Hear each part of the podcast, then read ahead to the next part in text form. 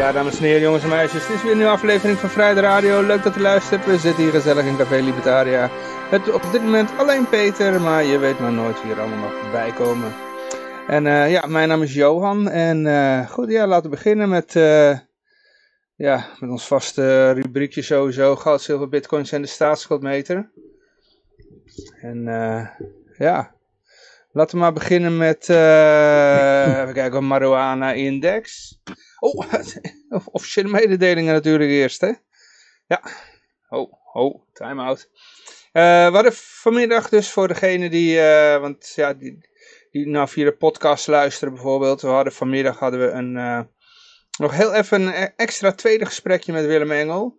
En dat kwam omdat zijn, bij Facebook zijn streammogelijkheden had geblokkeerd.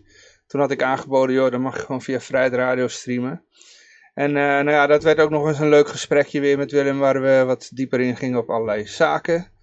Uh, dat is ook allemaal te beluisteren, ik zal het ook allemaal uploaden, dus ja. Tot zover de huishoudelijke mededelingen. En in de Telegram chat, dat is t.me slash vrijheid, daar wordt er weer lustig op losgediscussieerd. Dus als je meedoet, dan kun je daar ook helemaal jezelf de vrije loop laten. En goed, ja, op dit moment via de livestream kun je ook gewoon in de chat helemaal losgaan. Ik zou zeggen, barst gewoon los. We draaien ook verzoeknummertjes.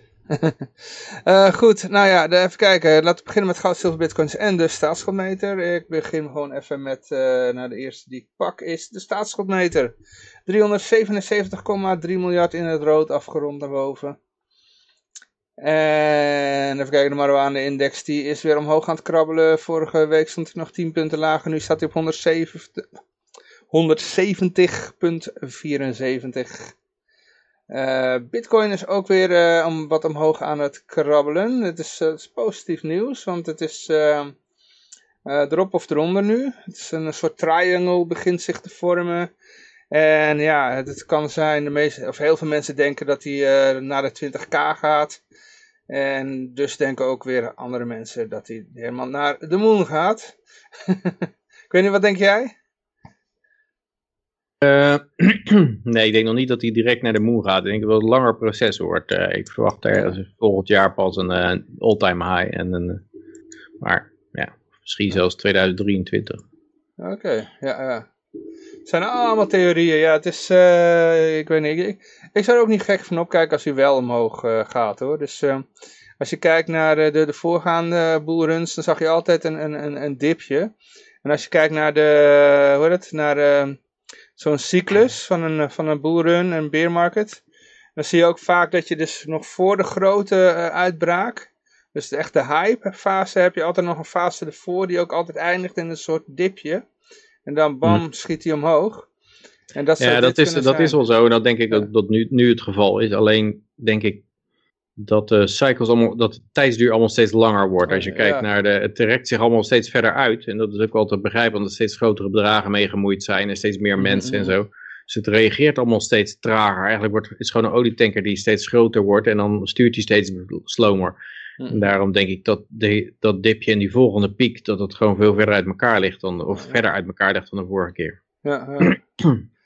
ja dat is meestal wel met de gewone marktcyclus, hè. Maar bij bitcoin is het dan ook, uh, je, je, hebt die theorie, dat is met, uh, dat het met de halvings te maken heeft. Dus door die, die halvings uh, om de zoveel tijd, dan worden de bitcoins steeds schaars, schaarser. Ja, dat, dat is het stock-to-flow stock to flow model eigenlijk. Ja, ja.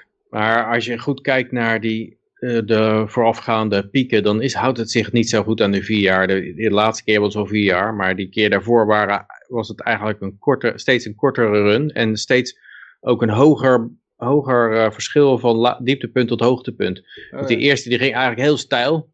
En die volgende die ging, uh, duurde iets langer en kwam wat middenver. En die, die daarna duurde, ging weer wat, wat, duurde weer wat langer en kwam weer wat minder hoog uh, als je kijkt naar hoeveel keer het over de kop gaat. En da daarom vind ik de verwachting van de volgende keer duurt nog langer.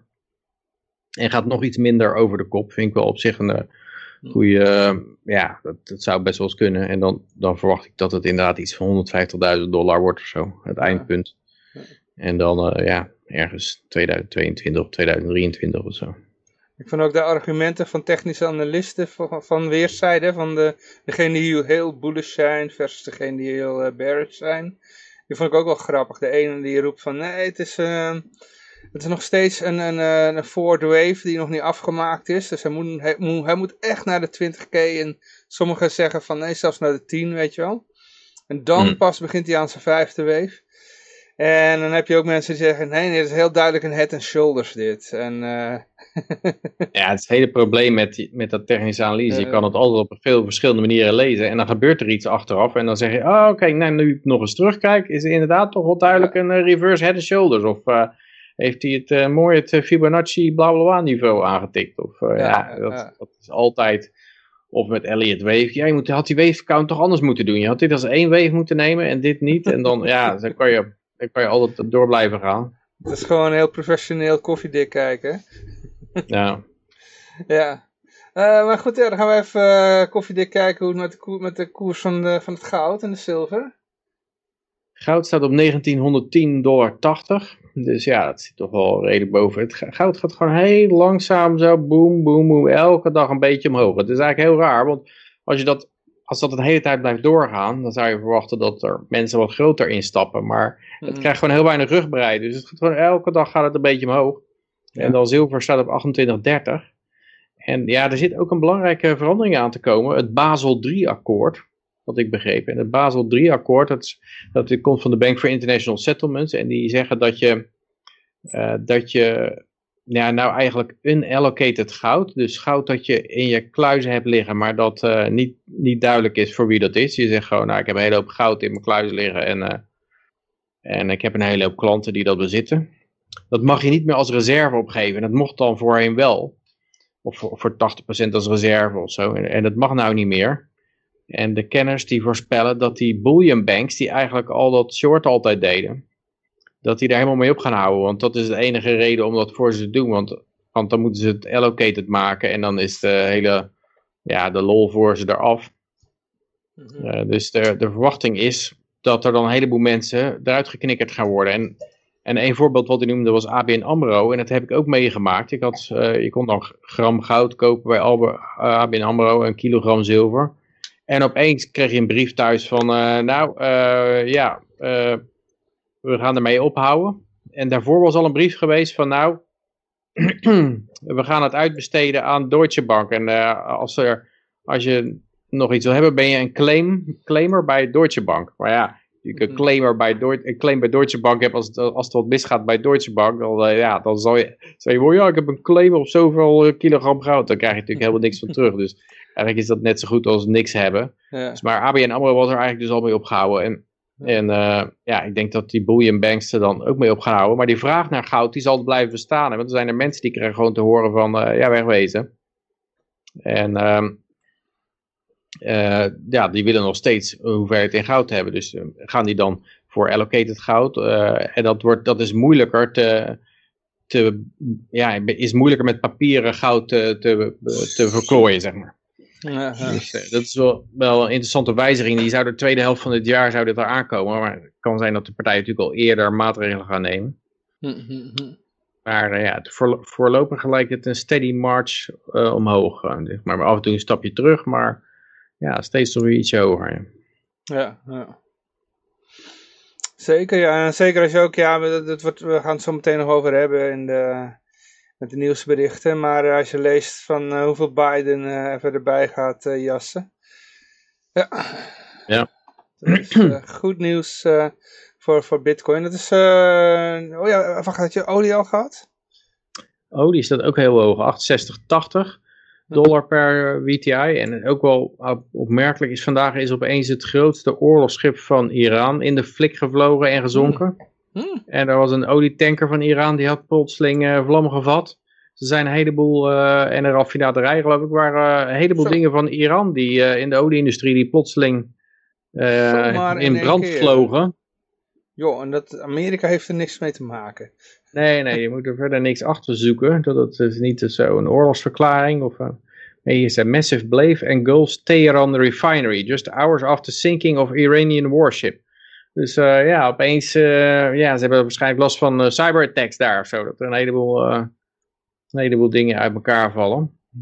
En ja, dat zal de prijs van olie, ja, dat is ook altijd raar natuurlijk, dat, dat de entiteit die je moet beschermen tegen carbon-emissies, dus de entiteit die, de overheid, die gaat jou beschermen tegen global warming door de CO2-uitstoot terug te brengen, die lijkt, naar het, zich naar het aanzien, gewoon hele schepen tot zinken te brengen en raffinaderij in de fik te steken. dus dat is wel, uh, ja, op dat moment zijn ze kennelijk niet zo bezorgd over CO2-uitstoten. Nee, nee. En ik hoor ook geen milieuorganisaties hierover van, wat zijn we nou mee bezig? Uh, ik kan niet zomaar die oorlog voeren vanwege CO2-uitstoot. Die milieuorganisaties, die hebben het altijd alleen op uh, plastic rietjes gemunt en zo. Ja, ja. Maar het is nog niet, uh, Amerika heeft nog niet gezegd van, hé, hey, dat nee, is onze nee. cyberattack, hè? Nee, maar het is natuurlijk wel een beetje vreemd dat uh, allerlei Iraanse dingen plotseling in de fik vliegen. En er was al eerder een olietanker, want dit is nou een warship en een raffinaderij. Maar volgens mij een paar dagen geleden ging er een Iraanse olietanker in, in de vlammen. Maar in ieder geval, ja, ik, ik, noemde het net al eventjes, het bijjassen van uh, 6 trillion in stimulus. Hoe moeten we dat in het Nederlands zeggen? Dat is 100 bil 600 6 miljard? biljoen. 6000 miljard. Oké, okay, oké. Okay. dat is goed voor bitcoin, zegt Edward Snowden. ja. ja. Ja, ik zag zo'n satirisch artikel op de Babylon Bee. Er stond Biden signs 2 trillion dollar plan to research where inflation is coming from. ja, ja, ja. Maar ja, ja, dit is weer 6 triljoen, maar je moet ook beseffen dat ja, de Amerikaanse staatsschuld is geloof ik iets van 20 biljoen. Maar er zijn nog ongevuld, ongedekte beloftingen, beloftes voor 200 biljoen of zo. Hè? Of hmm. 200, uh, ja, 200 biljoen, dus 200.000 miljard. En dat zijn dingen als Medicaid en Medicare en Social Security. Um, ja, dat betekent dus eigenlijk als jij een belofte hebt gedaan, belofte maakt schuld zeggen ze wel eens in Nederland, dat is ook een schuld. Als jij een belofte hebt gedaan en je kan die niet hard maken of je moet daar nog voor gaan belasten of geld drukken of zo, dat betekent dat er nog een heleboel in de toekomst ligt. Dat zijn nog veel grotere bedragen. En uh, ja, dat, dat is hier denk ik ook duidelijk het geval. Dat ze, ze kunnen die beloftes eigenlijk niet goed maken. En het zit ook voornamelijk bij oudere mensen ik zat wel eens te denken van ja, als je nou een snode overheid was, wat zou je dan doen? Dan ga je een, uh, een manier vinden om van die oude mensen af te komen. Dat die opeens allemaal een ziekte krijgen die vooral ouderen treft of zo. En uh, die, die uh, ja, dan kan je een beetje... Ze moeten allemaal als eerst gevaccineerd worden? ja, ja. ziekte die, die heel erg hard aanslaat als je gevaccineerd bent, zeg maar. Dat, ja, ja, ja. ja, dat zou, ja, dat zou een manier voor ze zijn om om het nog wat uit te rekken, zeg maar. Uiteindelijk gaat het natuurlijk al, toch altijd mis. Ja. Maar ja, dit is, uh, ja, dit is weer een plan van, uh, dat noemen ze dan vol trots een, een, een plan. het is gewoon weer 6 biljoen dollar erbij jassen, want het is natuurlijk niet te belasten en niet te lenen. Dit was niet dat, waar, ze het eerder, waar ze het eerder over hadden. Toen, was er, toen zou er ook nog een 6 miljoen, wat was het? uh, eh, 6 miljoen uh, erheen gejast worden. Dat was, um, maar toen werd erbij gezegd, nou nee, dat gaan we niet buitdrukken. Dat gaan we allemaal uh, via belasting van de rijken afhouden, halen, ja. weet je wel. Dat... Maar daar hebben we zo meteen ook nog wat over. Dus, uh, Goed, leuk. Ja, maar dit is geloof ik wel inderdaad, ja, wat ze, het idee is dat ze er, het is uh, Build Back Better zie ik hier ook in staan. Mm. six, six trillion stimulus proposals to build back a better America. Dus het zal wel infrastructuur zijn of zo, hè? dat was altijd het uh, idee daarachter. Ja, de puttels die zullen gewoon blijven. Bruttels? De, oh, putholes. de, Ja, de potholes, sorry, ja. ja. De sinkholes, of hoe je het wil noemen. Ja. De stoepstegeltjes zullen niet rechter gaan, uh, re ja, meer recht gaan liggen. Ja. Maar dat vind ik wel raar, want zei ze bij de eerste keer dat ze uh, zoveel geld erheen uh, over de balk gingen smijten. Zei ze, ja nee, maar dan gaan we allemaal via belastingen van de rijken uh, halen. En dan, ja, zometeen gaan we het er nog over hebben, maar de rijken krijgen er alleen maar extra geld bij. Ik bedoel, Bezos krijgt een bail-out. En, ja. Ja. ja, die zijn waarschijnlijk groter dan wat ze moeten betalen aan. Ja, ja, ja. En dat zijn dan ook weer de allergrootste natuurlijk. Dus het is zo dat dat als je dan een beetje wat lager zit of zo, ik denk dat bijvoorbeeld uh, John McAfee geen bail-out krijgt. Nee, nee, nee. Die, die krijgt niet eens een, uh, die hoeft niet, hoe dat, die, die, hoeft, die, kan er ook niet op gaan rekenen dat hij... Uh, die krijgt niet eens bail. Nee, die krijgt niet eens bail, borgtocht. Laat staan een bail-out. ja, ja, het gevolg hiervan is altijd dat rijken gaan dan hun vermogen weer verbergen natuurlijk. Dus weet ik mhm. veel, die gaan dan belachelijk veel kunst kopen of, uh, of een enorme autoverzameling aanleggen of uh, nou ja, allemaal van dat soort dingen die dan niet onder, onder hun vermogen vallen. Of ze en dan netjes in, uh, in aandelen zitten, zoals die, hoe heet die nou? Die, god, ik ben zijn naam weer even kwijt. Wat fuck. Hoe heet die nou, die bekende democraat, die... Ach, ik ben zijn naam even kwijt. maar dat is die aandelengoeroe. Een democratische aandelengoeroe. Ja, hij is een bekende sponsor van de Democratische Partij en een... Uh, Soros. Nee, niet Soros, die andere. Ik, kan niet op zijn naam komen. Uh, Warren Buffett. Oh, ja, ja. Ja. ja. Ik bedoel, die hoeft ook niks te betalen, want die heeft alles gewoon in aandelen zitten, dus... Ja. maar aandelen moet je natuurlijk nog steeds... Ja, ik weet niet wat het nieuwe plan was, geloof ik. Maar het plan was om dan omzetbelasting te gaan heffen of zo. Of, uh, ja, als ze natuurlijk een wealth tax gaan doen, dan krijg je dat gewoon je hele vermogen belast wordt. En dan moet je... Ja, dat, is, dat is ook een ramp. Want veel Amerikanen denken dan in ieder geval dat ze, dat ze hun hele hebben en houden moeten, moeten tax, laten taxeren elk jaar. Dus dat betekent dat je, dat je al je dat je een taxateur moet laten komen en die moet zeggen, oh ja, je heeft een uh, Bugatti staan. Ja, dat, uh, die brengen wij in rekening voor zoveel geld. En dan moet je daar een percentage van betalen. Uh, ja, ik denk dat het eerder dan zo'n beetje zoals in Nederland wordt, waar ze zeggen van nou, al je beleggingsvermogen wordt belast. Maar dat betekent natuurlijk dat er een heleboel vermogen gaat zich verplaatsen van beleggingsvermogen naar niet-beleggingsvermogen. Dat, dat is het gewoon, welke categorie zit niet in de rapporteerbare beleggingen? Oh, schilderijen? Nou, dan gaan we allemaal dure schilderijen kopen. Uh, ja, enzovoort. Ja. Maar ja, die rijken vinden wel een manier om er onderuit te komen, denk ik. Nou, je gooit allemaal in bitcoin. Of ze gaan gewoon uh, heel Amerika verlaten, wat natuurlijk ook nog altijd precies kan. En, en dan met opzegging van hun, uh, hun burgerschap. Ja. Ja, of uh, ja, je gooit het in een bitcoin en... Uh, en raakt hier, kwijt. ja, ja, ja, inderdaad. Uh, ja, ik had het op uh, Mount Cox gegooid. sorry. Het is gone. Ja, het punt is natuurlijk dat je het dan nooit, nooit meer tevoorschijn kunt halen ook. Ja, Dat er dan ook gelijk vragen komen. Ja, Ondertussen JP die zegt nog wat in de chat. Um, even kijken hoor. Ja, ze gaan flink omhoog. Vastgoed, ja. Ja, prijzen gaan flink omhoog en... Uh, ja. Ja, hartstikke idee. Uh, nee, ik heb hier een berichtje, vandaar even dat ik dat zei. Uh, ik wil een bruggetje maken. Um, ja, Musk en die Sailor, die gingen even op bezoek...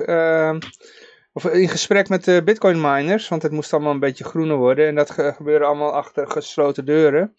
Ja, en dat tot een beetje, ja, dat viel niet in goede aarde, want uh, dat noemen ze toch een beetje een closed uh, door deal, hoe noem je dat? Backdoor deal. Backdoor deal, een achterkamertjes uh, deal. En dat is al vaker gebeurd. Je had de New York Agreements in het verleden. Hmm. En ja, daar deed dit een beetje aan denken. Dus, en de Hongkong Agreements. Dus, ja, het klinkt gelijk heel, heel zwaar, hè? de Bitcoin Mining Council. Dan denk je, ja, maar het is natuurlijk toch wel een vraag hoeveel, zijn, hoeveel zitten daarin en, en uh, hoe zwaar zijn hun commitments. En ja, als, als er al als een heleboel mining in China gebeurt en die, die, eh, die zeggen maar wat of zo, of die, die houden zich nergens aan, dan, eh, dan maakt het ook niet zoveel uit. En is, het, is het voor de bühne of is het, gaan ze echt wat doen? Want het idee is dan om het energiezuiniger te maken, want daarom had Elon Musk opeens een probleem om bitcoin te accepteren voor de Tesla's omdat ja, het niet een beetje hypocriet. Eh, ik bedoel, dat zijn lithiumbatterijen.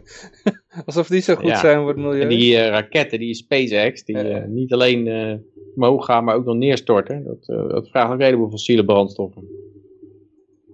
Ja, dus ja, God, wat dat betreft, man, toch aardig wat boter op zijn hoofd. Dus, Maar het zou kunnen hoor, dat het toch een beetje ehm, gaat wringen en dat er op een gegeven moment, ja, dat mensen toch gaan kijken naar een proof of stake coin als, als alternatief. Uh, die bitcoiners proberen dat natuurlijk allemaal te zeggen, ja, het slaat allemaal nergens op, het is een meest alternatieve energie enzovoort. Maar ja, die milieumafia, dat is toch een hele, dat slaat heel goed aan bij, bij veel mensen, omdat ze niet doorhebben hoe, hoe het erin resulteert dat hun eigen leven steeds milieuonvriendelijker wordt eigenlijk. Dus, uh, dus uh, ja, je krijgt, krijgt minder CO2-uitstoot, maar, maar je supermarkten zijn leeg of je verwarming doet het niet meer. Waardoor je zit met een warmtepomp, zoals die mensen in Nijmegen, die wij zo'n warmtepomp zitten ze in de winter in de kou met handdoeken in de, in de deuren dicht houden, omdat die allemaal bevroren zijn. Ja, dan denk je van, ja, dat is allemaal voor een goed milieu, maar het milieu van die mensen die daar direct in geloofden, wordt gewoon heel slecht. Eh. Ja, ja. En dat is, uh, ja, ik bedoel, het hele verhaal van bitcoin vind ik niet zozeer waar gebruikt het nou alternatieve energie of zo, maar het is meer, al die oorlogen, zo van zo'n tanker in de fik steken of een oorlogsschip laten zinken en raffinaderij in de fik steken, die oorlogen, die kunnen alleen maar gevoerd worden door fiat geld. Want niemand, als je een GoFundMe opent van, uh, ja, we gaan een oorlog voeren. En uh, als we genoeg geld binnen hebben met onze GoFundMe, dan gaan we, hem, uh, gaan we hem voeren. Dat gaat nooit gebeuren, want mensen hebben er geen cent voor over voor zo'n oorlog. Mhm. Dus dat betekent dat, dat het alleen maar geleend kan worden bij een centrale bank, zodat mensen eigenlijk niet goed doorhebben. En dan dan moet je dat als milieukosten meerekenen. Dat hele, die hele oorlogsmachine moet je als milieukosten meerekenen voor, uh, ja, voor fiat geld. Uh. Dat dat met bitcoin gewoon een stuk moeilijker wordt, omdat je dan uh, direct moet zeggen van, tegen de mensen van, ja, we willen oorlog gaan voeren, jullie belastingen gaan dit jaar met 20.000 omhoog of zo. Dan denken mensen, oh, wacht even, zo slecht is het ook weer niet dat een regime, zo belangrijk is het ook weer niet dat dat direct verdwijnt. Nee, nee, nee. Klopt, ja. Ja, goed, nou ja, het is, uh, ja. Ja, ik, ik vind het toch wel aan de andere kant wel zorgwekkend dat er allemaal van die, van die kliekjes ontstaan. Want ja, toen werd, altijd gezegd van, ja, bitcoin is decentraal en zo.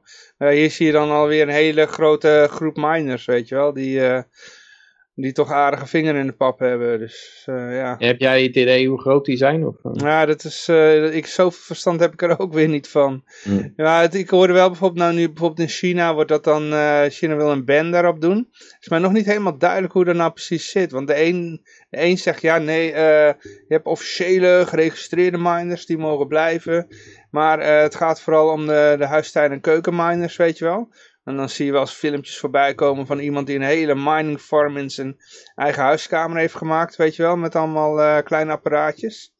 Ja, het punt is natuurlijk dat dat niet meer zo e niet meer economisch te doen is haast. Nou ja, is kennelijk wel, want uh, je ziet mensen die daar heel Ja, maar dan doen ze het met uh, script mining of zo. De mine is niet, niet bitcoin, maar de mine is iets anders en dan converteren ze waarschijnlijk naar bitcoin, denk ik. Ja, nou ja, toch zouden zou er heel veel daar zitten. En ze zijn niet allemaal, eh, het zijn niet allemaal bedrijven.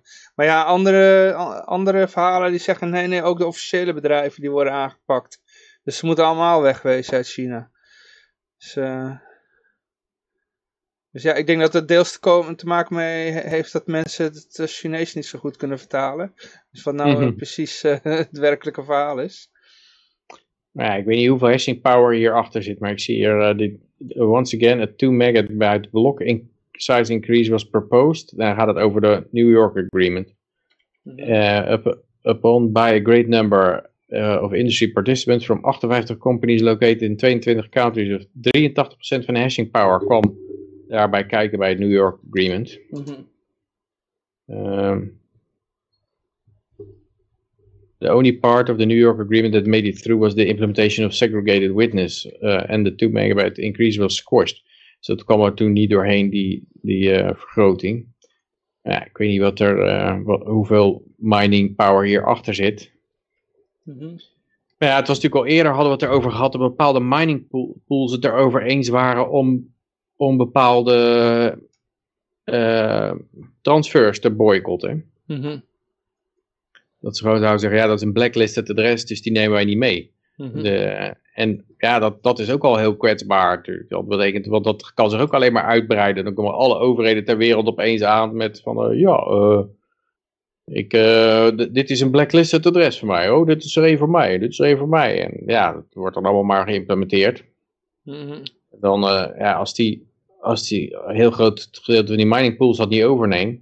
Maar ik denk nog steeds dat mensen kunnen nog steeds vrijwillig hun hashpower uit zo'n mining pool houden en bij een andere mining pool neerzetten. als zij het beleid van die mining pool niet, als dat dan niet hun bevalt. Dus ik denk dat dat die mining pools daar toch nog niet te ver in kunnen gaan. Dit soort dingen, omdat ze anders een hele hoop... Het was natuurlijk al eerder gebeurd ooit, dat een mining pool, die had meer dan 50% van de hashing power.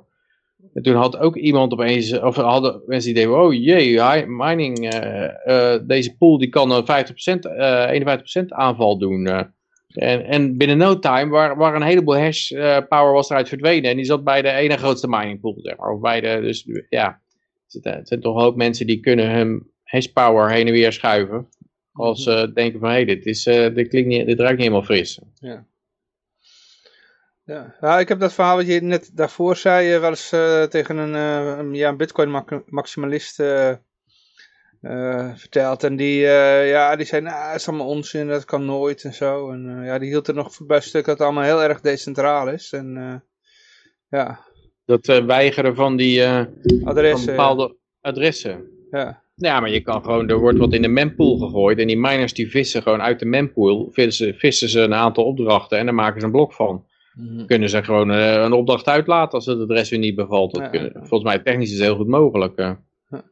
En er zijn mining pools, ja, de beheerders daarvan die hebben het ook aangekondigd. Het punt is alleen... Ja, dat had ik ook verteld. Dat, weg, dat, dat, dat, is, dat, wat, ik je net, dat wat, wat je net zei, dat komt niet van ons. Maar dat komt serieus als een voorstel van een miner. Dus uh, ja. ja. Ja, en, maar het punt is nog steeds, kijk bij belasting is het zo, als de overheid iets belachelijks met je geld doet, jij moet nog steeds je belasting betalen. Maar als een mining pool iets belachelijks met jouw hashpower doet, jij hoeft niet je hashpower bij hem te laten staan. Mhm. Dus wat dat betreft is dat nog wel een, een uh, en je kan, het is heel laagdrempelig om jouw hashpower om te pluggen naar een andere mining pool, terwijl het heel hoogdrempelig is om te verhuizen naar een ander land en misschien je nationaliteit moet opgeven enzovoort. Ja dat, ja, dat vraag ik mij af of dat er door gaat komen. Maar je weet het nooit. Eh, voor je gevoel is het wel een, een uh, zwak puntje. Net zoals als ik nog steeds een zwak puntje vind het runnen van een full node. Mm Dat dat niks oplevert Dat dat alleen is uh, ja, liefdewerk uit papier. Zeg maar. Mensen die denken van nou ik vind het belangrijk dat er een full, full een kopie, dat ik een hele kopie van de blockchain heb. Nou ja, maar anders als je dat niet vindt, en er zijn natuurlijk een heleboel uh, blockchains waar dat ook niet het geval is. Maar je krijgt er niks voor terug. Maar ja, dan kan je hem ook... Uh, ja, het is een beetje een soort religieuze uh, iets dat je... ja, een, iemand, er is wel eens een artikeltje geweest waar religie, bitcoin en religie genoemd werd. Dus ze hebben een soort heilige, Satoshi Nakamoto, waar die duidelijk is waar die, of hij nou leeft of dood is of wederop gestaan. Kan elk moment. En ze hebben feestdagen, de Bitcoin Pizza Day. En ze hebben rituelen. En dat een full note draaien en zo. Eh, net zoals een soort uh, biecht doen. En zo hadden ze gewoon de hele, uh, ja, de hele, hele Bitcoin vergeleken met een religie. Zeg maar. En je moet ook afvalligen, die moet je kaart aanvallen. Zo, ja, ja, ja, ja, ja. dus wat dat betreft, ja, daar zit, daar zit wel iets in. dat moet je ze wel gelijk in geven. En de maximalisten hebben een Satan, dat is Rochauffeur. Ja. Dat is een antichrist. Hè, die, die, uh... Ja. ja, ja. Nee, zegt hier nog, waarschijnlijk hebben ze hetzelfde probleem als we hier met wietplantages hebben. Ja, ja. Uh, dat je ze niet wegkrijgt uiteindelijk of zo. Nee, of, in China, oh, China wat zijn oh, die, uh, die, die bitcoin miners die, die de e-, elektriciteit net uh, plat trekken of zo. Ja, de steden in één keer helemaal zwart, of zwart zitten omdat ze geen, ja, geen stroom meer is. Omdat die, al die miners daar met z'n allen met die trucks daar naartoe zijn gereden. Om daar te gaan minen omdat de stroom net een microcent goedkoper was. Ja. Dus ja. Ja, ik, ik heb die beelden wel eens gezien, maar het is wel indrukwekkend hoor. Gewoon een hele stoet van die trucks die dan gewoon ja, naar de andere kant van China gaan, omdat de stroom daar net ietsje goedkoper is. Eh.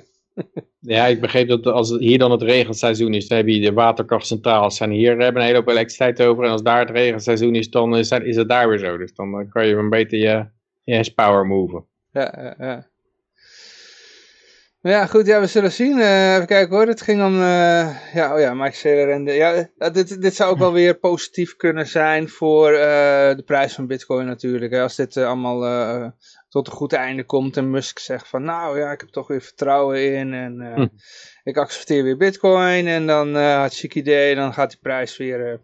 ja, ik, ik, ik, zelf twijfel ik of dat nou echt door ja. die, die, prijs omhoog vliegt door Musk of zo. Dat dat, ja, kan, kan zijn inderdaad dat er nieuws er wel voor toe zorgt dat mensen denken, oh ja, ja laat ik toch maar gaan kopen, maar ja, ik, ja, ik denk dat eh. het, het, is natuurlijk ook wat de overheid heel vaak doet, is op het goede moment een uitspraak doen en dan credit nemen dat, dat door hun uitspraak uh, dat gekomen is. Zoals bijvoorbeeld het kinderwetje van Van Houten, dat wordt nog steeds onder op scholen gezegd en de kinderwet arbeid is afgeschaft door het kinderwetje van Van Houten.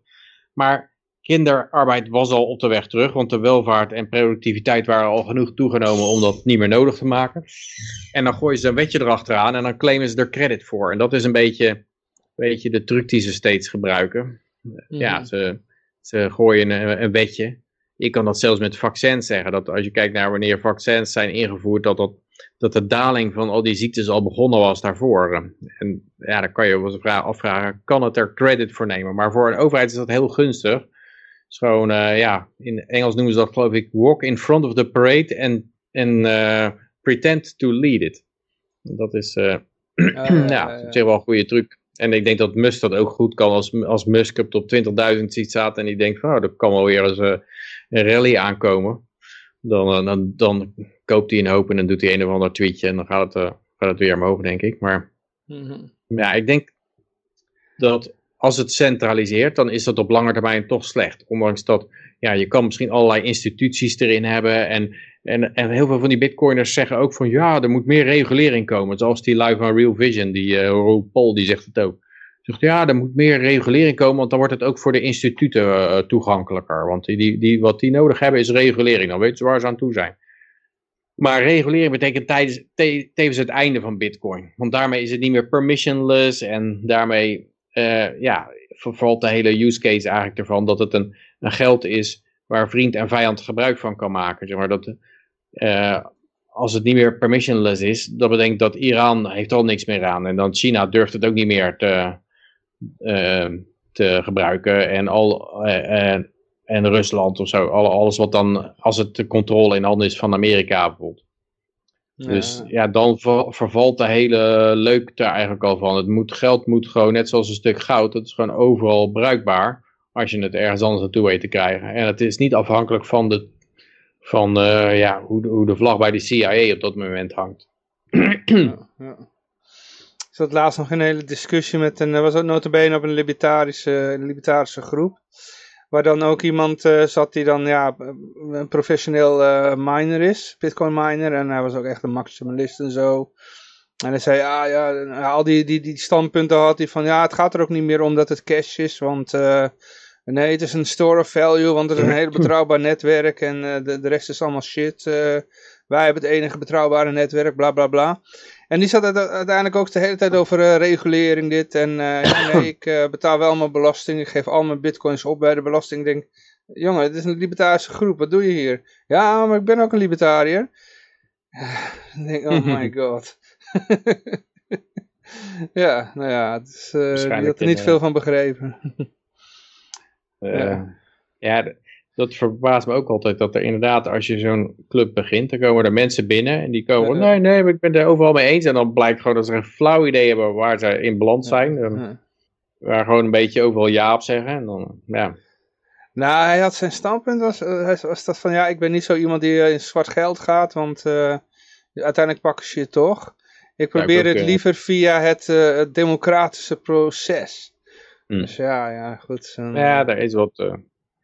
Dat zou ik ook zou ik in ieder geval ook in een forum zeggen, ja. Maar ik, uh, ja, ja. ik ben overigens ook helemaal tegen het gebruik van zwart geld. En zo. Ik betaal wel graag cash bij, bij uh, winkels, en, en, uh, want dan hebben ze in ieder geval de keuze nog bij een restaurant om, om uit mijn transactie te vergeten.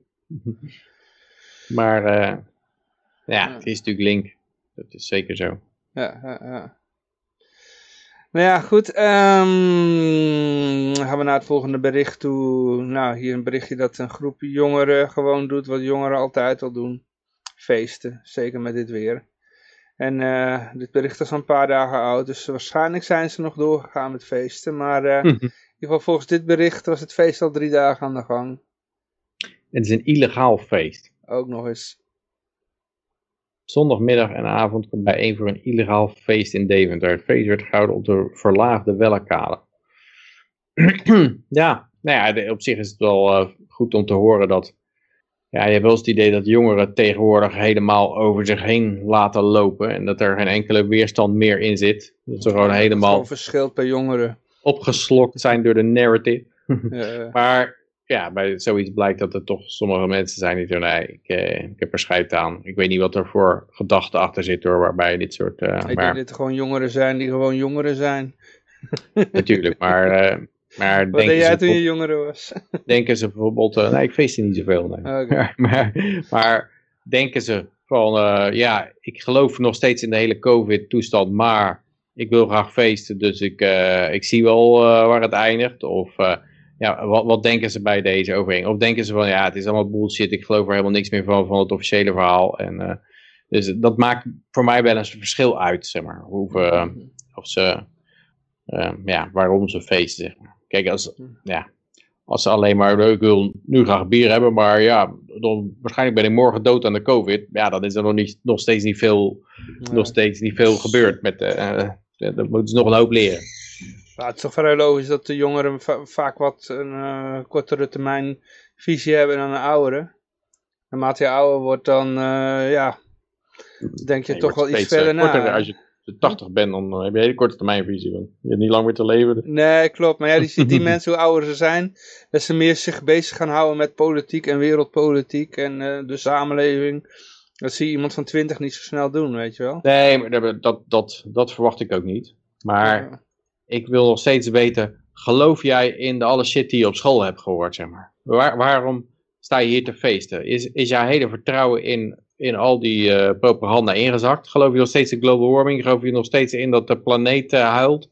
En geloof je nog steeds dat er een plastic zee is, ter grootte van de USA, somewhere ergens in de oceaan? Als je dat allemaal gelooft, ja, dan maakt het niet zoveel uit dat iemand gaat feesten, zeg maar. Daar word ik dan niet erg happy van als dat mensen zijn van, nou, ik heb nou zoveel bullshit gehoord van uh, Mark Rutte en Hugo de Jonge, dat ik geloof helemaal niks meer van, dan, dan, uh, dan houden ze zich niet, niet bezig met politiek of filosofie of een wereldbeeld of, uh, of dat, dat soort dingen. Maar dan zitten ze wel veel meer op de stroop waarvan ik zou hopen dat ze zitten. Ja, die jongeren bestaan natuurlijk ook, hè. Die zitten allemaal bij, uh, weet ik veel, uh, JOVD en... Uh, nee! die heb je ook. Niet bij de JOVD. en hoe heet die andere van de SP en, de, en, en de, al die andere jongere, politieke jongere takken.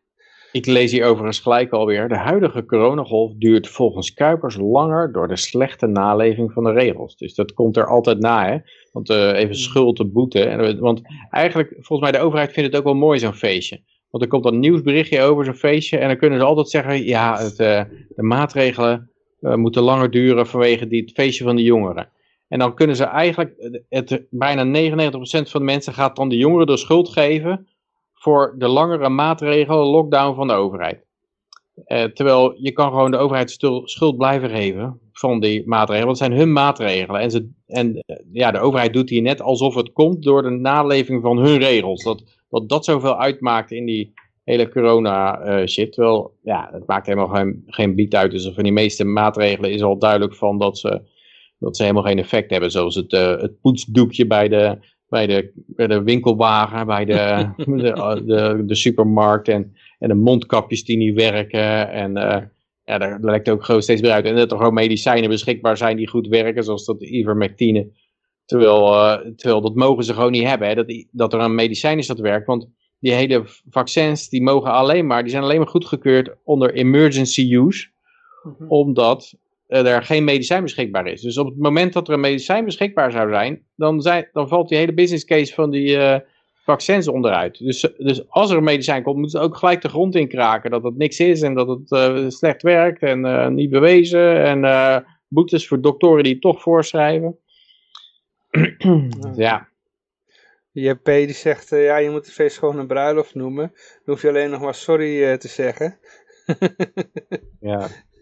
en dan uh, wat geld, uh, beloven dat je niet meer zal doen en wat geld geven aan een goed doel. En dan komt er een berichtje achteraan van, hey, staatsvijand. Hey, staatsvijand. Oh, daar. Die is er ook. Uh, kinderen thuis hebben tijdens de, hoor, de, de pandemie... Dan kun je ze iets leren over fractional reserve banking, ja? Ja, ja, ja het zou best kunnen dat de kinderen thuis zitten, dat ze meer leren dan op school. waar je natuurlijk toch alles vanuit het uh, ja, Den Haag krijgt binnengeschoten. Of, ja, ik zat op het internet en dan kwam ik die gast tegen, die heette Ron Paul. En wat die allemaal zei. ja, uh. ja, er is weer iets nodig om, om de volgende generatie ook weer een beetje wakker te schudden. En op zich zou dit een hele goede kandidaat zijn hoor, want er valt wel steeds meer van die narrative aan diggelen. Van dingen die je die je mocht je eerst niet posten op Facebook en een beetje van Twitter gegooid, zoals uh, bijvoorbeeld de origine van dat, uh, van dat uh, virus, dat het uit dat lab zou komen. Dat was eerst een vreselijke racistische conspiracy en nou opeens zie je de hele media omgeslagen en is het een hele plausibele, theorie. Je ziet een heleboel, heleboel toko's, die, oh, dat komt straks ook nog zeker. Nou, nee, wat ik wilde zeggen is, en dan zie je Jensen in één keer zeggen, nee, nee, nee, dat, dat, dat, dat. Ik weet niet of je Jensen nog wel eens gehoord hebt laatst. Ja, die, nou, zegt, nee. die, die, zegt nou in één keer, nee, nee, dat bericht dat in een Wuhan lab gemaakt is, dat is niet waar. Het is uh, de gewone griep. Ja, ja, ja, dat zou ook allemaal kunnen. Ja, maar het kan, zou kunnen onder zijn dat dit onderdeel is van, uh, van de China-oorlog. Of van, uh, want, want ja, ik hoorde al laatst een vriend van mij die zei, weet je wat ze gaan doen? Ze gaan zeggen, hey, uh, China heeft een trillion dollar aan staatsschuld hè, van de Amerikanen, van de ja. treasuries. En die moeten ze terugbetalen en daar, daar hebben ze natuurlijk het geld niet voor. Dan moeten ze dat ook weer op de, uh, gaan monetariseren en dan wordt die dollar minder waard en dat is ook vervelend. Wat ze gaan doen is ze gaan zeggen van, hey, China, jullie hebben met jullie lab, hebben jullie bij ons uh, 1 trillion dollar aan schade veroorzaakt. Hiermee cancelen we jullie schuld. De, alle, alle treasures die je hebt, krijg je niet meer terugbetaald. En dat is een vergoeding voor de geleden schade die wij hebben van jullie pandemie. Ja. En dat zou, zou een, dat, zou ik, dat vond ik helemaal niet ongeloofwaardig klinken. Uh, dat, uh, en want dan blijven alle andere houders van treasuries denken van, nou ja, maar dat soort dingen doen wij niet. Dus dan uh, lopen wij geen gevaar. Want je wil ook niet dat iedereen ze gaat dumpen. Dus ja, het zou, het, het, ja, het zou zomaar kunnen, zoiets, ja. Wat niet betekent dat het, dat het dan alsnog niet in een oorlog uitmondt. Want ik weet niet of de Chinezen zomaar zich 1 trillion door, trillion door, de, door de neus laten boren. Ja. Natuurlijk, uh, ja, de overheid niet, maar de mensen hebben er hard voor gewerkt. Ja, JP die zegt, uh, ik las een uh, artikel uh, waar ze tijdens dat, waar ze zeiden met een lange ei, ja dat mag bij mij hoor, dat mag bij mij. Uh, Dat ze toen een fact-check... Uh, fact-check vals gaven. Want Trump zei het, dus het moest wel een leugen zijn. Ja, ja, dat, was, de dat was het hele verhaal toen. Hè. Die ivermectine, HCQ, uh, de Wuhan uh, lab origine. Dat was allemaal was het super fout en conspiracy en te gek voor woorden en nuts. Omdat Trump het zei. En nu zie je bijna een jaar later en dan beginnen ze allemaal eigenlijk te keren. En ja, er zijn dus een heleboel kranten die hebben langzamerhand hebben ze oude artikelen ook zitten rectificeren van, uh, nou ja, uh, wordt het gewijzigd van Politifact. Die had zo'n crazy conspiracy theory en nou, dat hebben ze dan nou uh, stilletjes aan verwijderd. Dat het, het is geen conspiracy theory meer. Nee. Dus ja, het is wel, uh, wel sterk. En, en mensen die dat zouden volgen, die zouden toch kunnen denken van, hé, hey, misschien moet ik die media in de toekomst wat minder geloven. Ja. Dat, uh, dat, ja, dat was echt heel reactionair. Het was gewoon alles wat Trump zei was, was fout. En ik vind het met het medicijn helemaal schandalig. Als je nou hoort, ik hoorde laatst, zo die Brad Weinstein, die had een podcast met een arts die dat in kaart had gebracht, wat dat ivermectine wel niet had ge, opgelost. En uh, echt ontzettende berg levens gered. En en ze mochten het gewoon niet zeggen. Het werd gewoon allemaal afgeblaft vanaf uh, hogerhand. Dat, uh, ja, dat uh, was niet bewezen. En het was pas bewezen als je een controlled random test had vanaf Big Pharma. En die controlled random test van Big Pharma gaat natuurlijk nooit komen. Want die moeten die vaccins sluiten. Dus dat, dat, kan je op je buik schrijven. Ja, ja. En ja, dat, dat vind ik toch wel. Eigenlijk zijn, zijn het gewoon massamoordenaars. Het is ongelooflijk dat ze. En er zijn een paar landen waar ze eieren voor hun geld op gekozen. Hij, hij zei, ja, Mexico heeft het heel goed gedaan. Die heeft gewoon gezegd, nou ja, wat werkt. En ja, als we goede aanwijzingen hebben dat dat werkt, dan, dan gaan we dat ook gebruiken. India is overgegaan van die vaccins naar die ivermectine. Dus ja, dat, dat, uiteindelijk ja, kiezen ze wel waar voor hun geld. Maar de geloofwaardigheid van die pharmaceuticals, die gaat natuurlijk veel... En, en ook de wetenschap.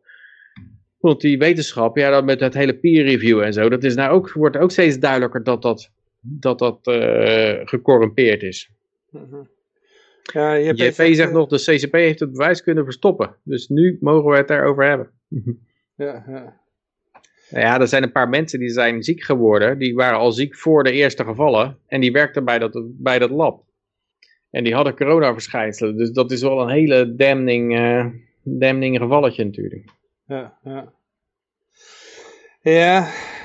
Ja, ik had volgens mij vorige week al verteld. Er was een, uh, zo'n podcast en er werd een... Uh, ja, er was iemand die had dan een... een uh, zo'n zo factchecker geïnterviewd. En ja, die kwam dan in de podcast aan het woord daarover. Over een artikel wat hij geschreven had.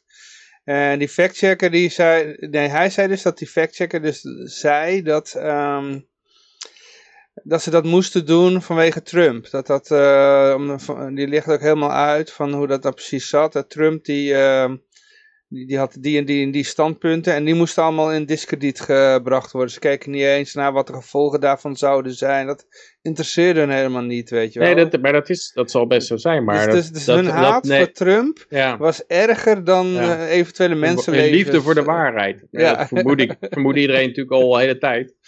Maar dat, nee, dat neemt de hele geloofwaardigheid van die factcheckers, van die censuur ook. Hè? Want die censuur, er werd een heleboel van dit soort goede informatie werd weggecensureerd. Dus dat betekent dat, dat, je, dat je veel meer doden krijgt dan noodzakelijk zou zijn.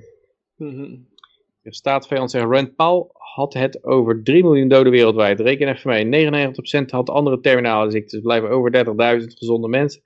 Maar het zijn twee seizoenen, dat is 15.000 mensen gemiddeld ouder dan de levensverwachting op het hele planeet. Dat, dat Wuhan-verhaal is een leuk excuus voor de overheid die totaal zinloos de boel hebben gesloopt. Ja, ik vind die, hele theorie van het is gewoon, gewoon de griep geweest. En uh, ja, eigenlijk is daar ook wel wat voor te zeggen. Als je naar de absolute getallen kijkt, dan is het niet veel afwijkend van de griep. En de hele griep die opeens verdwenen is. Dus dan zou het een heel goede truc zijn misschien inderdaad om China die trillion dollar afhandig te maken die ze, mhm. die ze eh, opgespaard hebben over de loop der tijd. Dus dan kunnen ze maar beter heel snel dumpen voordat, uh, voordat dat uh, begint. Mhm. En dan op, op de koop toenemen dat, dat dan hun munt heel erg stijgt. Want dat gaat natuurlijk dan gebeuren. Dan gaat, die, dan, dan gaat hun munt de hoogte in. Maar ja, ja, het hele punt is, ze hebben natuurlijk al een heleboel geleverd aan de VS. En, en willen ze daar nog voor betaald zien of niet? En dat is bij eerdere oorlogen ook al gebeurd. Weet dat, uh, dat in, voor de Eerste Wereldoorlog had het Ottomaanse Rijk die had slagschepen besteld in Engeland. En toen opeens brak de oorlog uit. Die hadden ze al betaald. En, uh, toen brak de Eerste Wereldoorlog uit. En toen zaten ze opeens in een ander kamp dan, uh, dan United Kingdom. En die gingen natuurlijk niet die oorlogsschepen meer afleveren. Sterker nog, die oorlogsschepen worden gewoon tegen hun ingezet, uh, die, ze, die zij betaald hebben. Eerste Wereldoorlog zeker, hè? Dus, ja. Uh, ja, dat waren ook dan voor die tijd echt de nieuwste soort schepen. Engeland had daar ook echt een enorme uh, advances, zeg maar, uh, voorsprong. Oh. Dat ze die schepen hadden, dat de eerste moderne marineschepen, zeg maar. Zeg hm. maar, en ja, dan al die andere landen hadden die ouderwetse stoomboten, dus ja.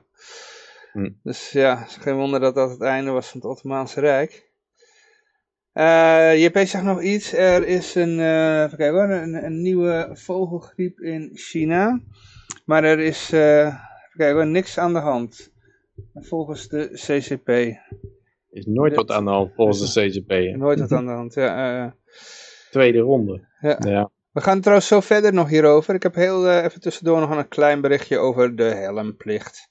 De helmplicht voor de snorfiets.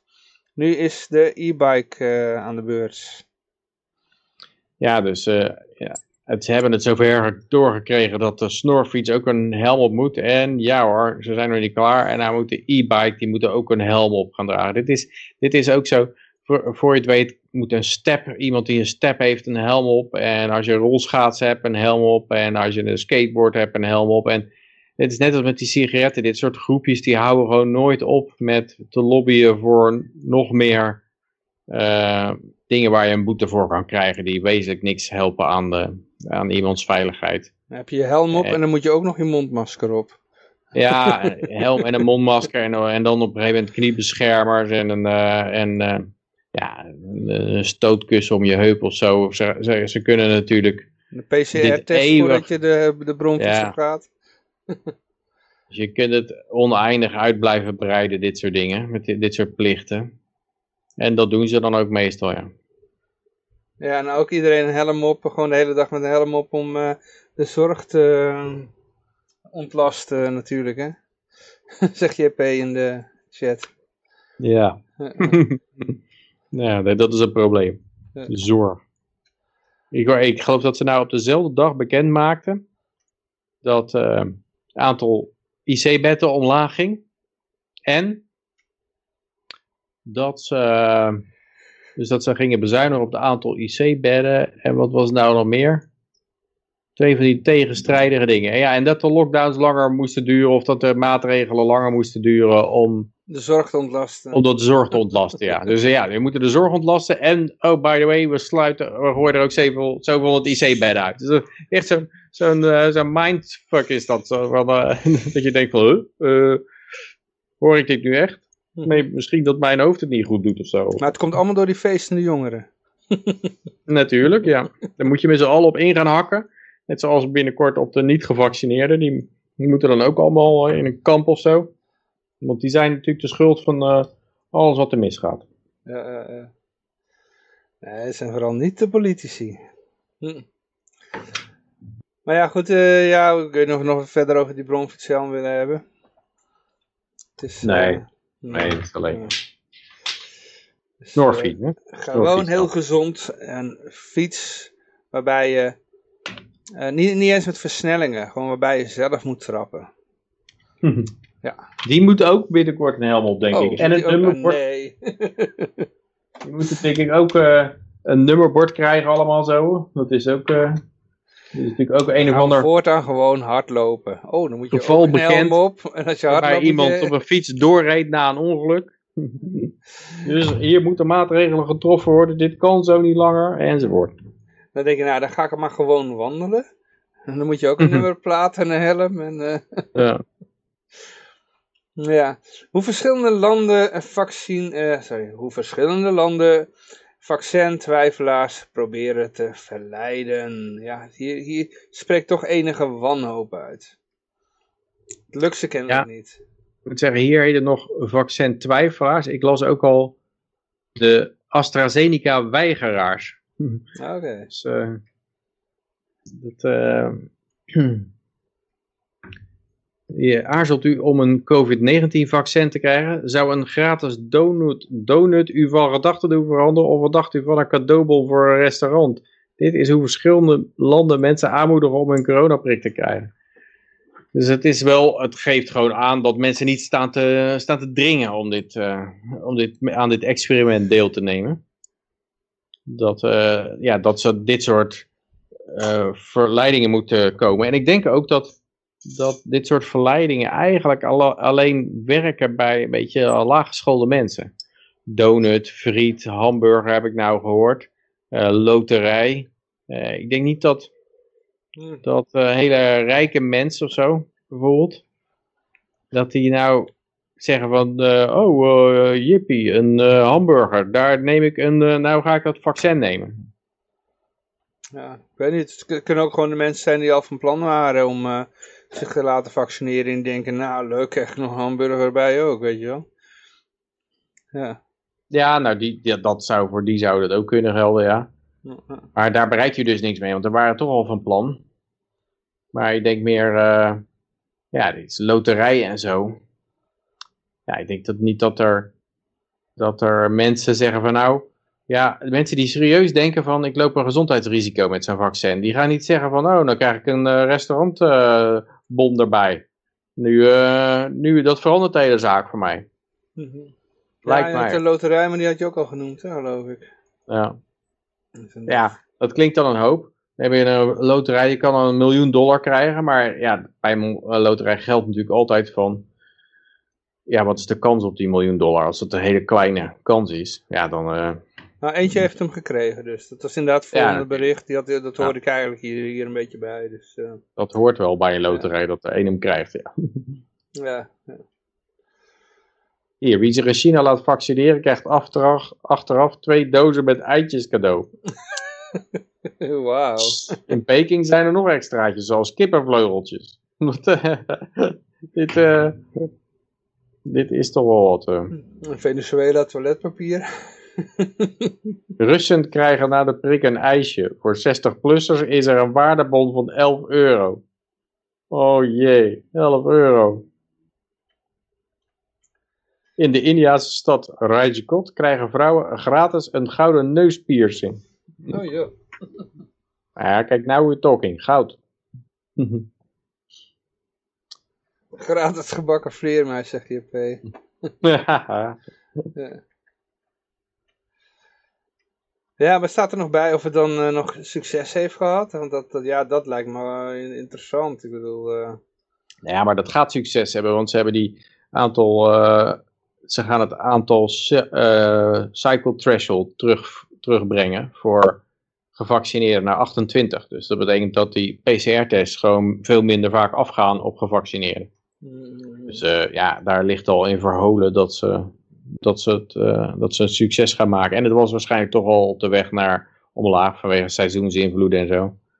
Ja, de vraag is een beetje hoe die eh, antibody dependent enhancement gaat uitwerken. Als, de, als er over een volgend voorjaar of zo, of dit najaar misschien al een, een, een nieuwe golf een nieuwe, nieuwe ronde komt, of mhm. mensen dan enorme immuunaandoeningen krijgen. Ja. Um, ja, ik heb hier nog een bericht over kankercrisis. Uh, even kijken hoor. Oh, hoe gaan we dit vertalen? Kankercrisis. uh, nou, ik lees hem gewoon voor in het Engels. Can cancer crisis. Replacing COVID uh, emergency as 300.000 miss urgent checks. Dus ja, een kankercrisis omdat mensen hun check, hun, zich niet laten testen op kanker of zo. Ja.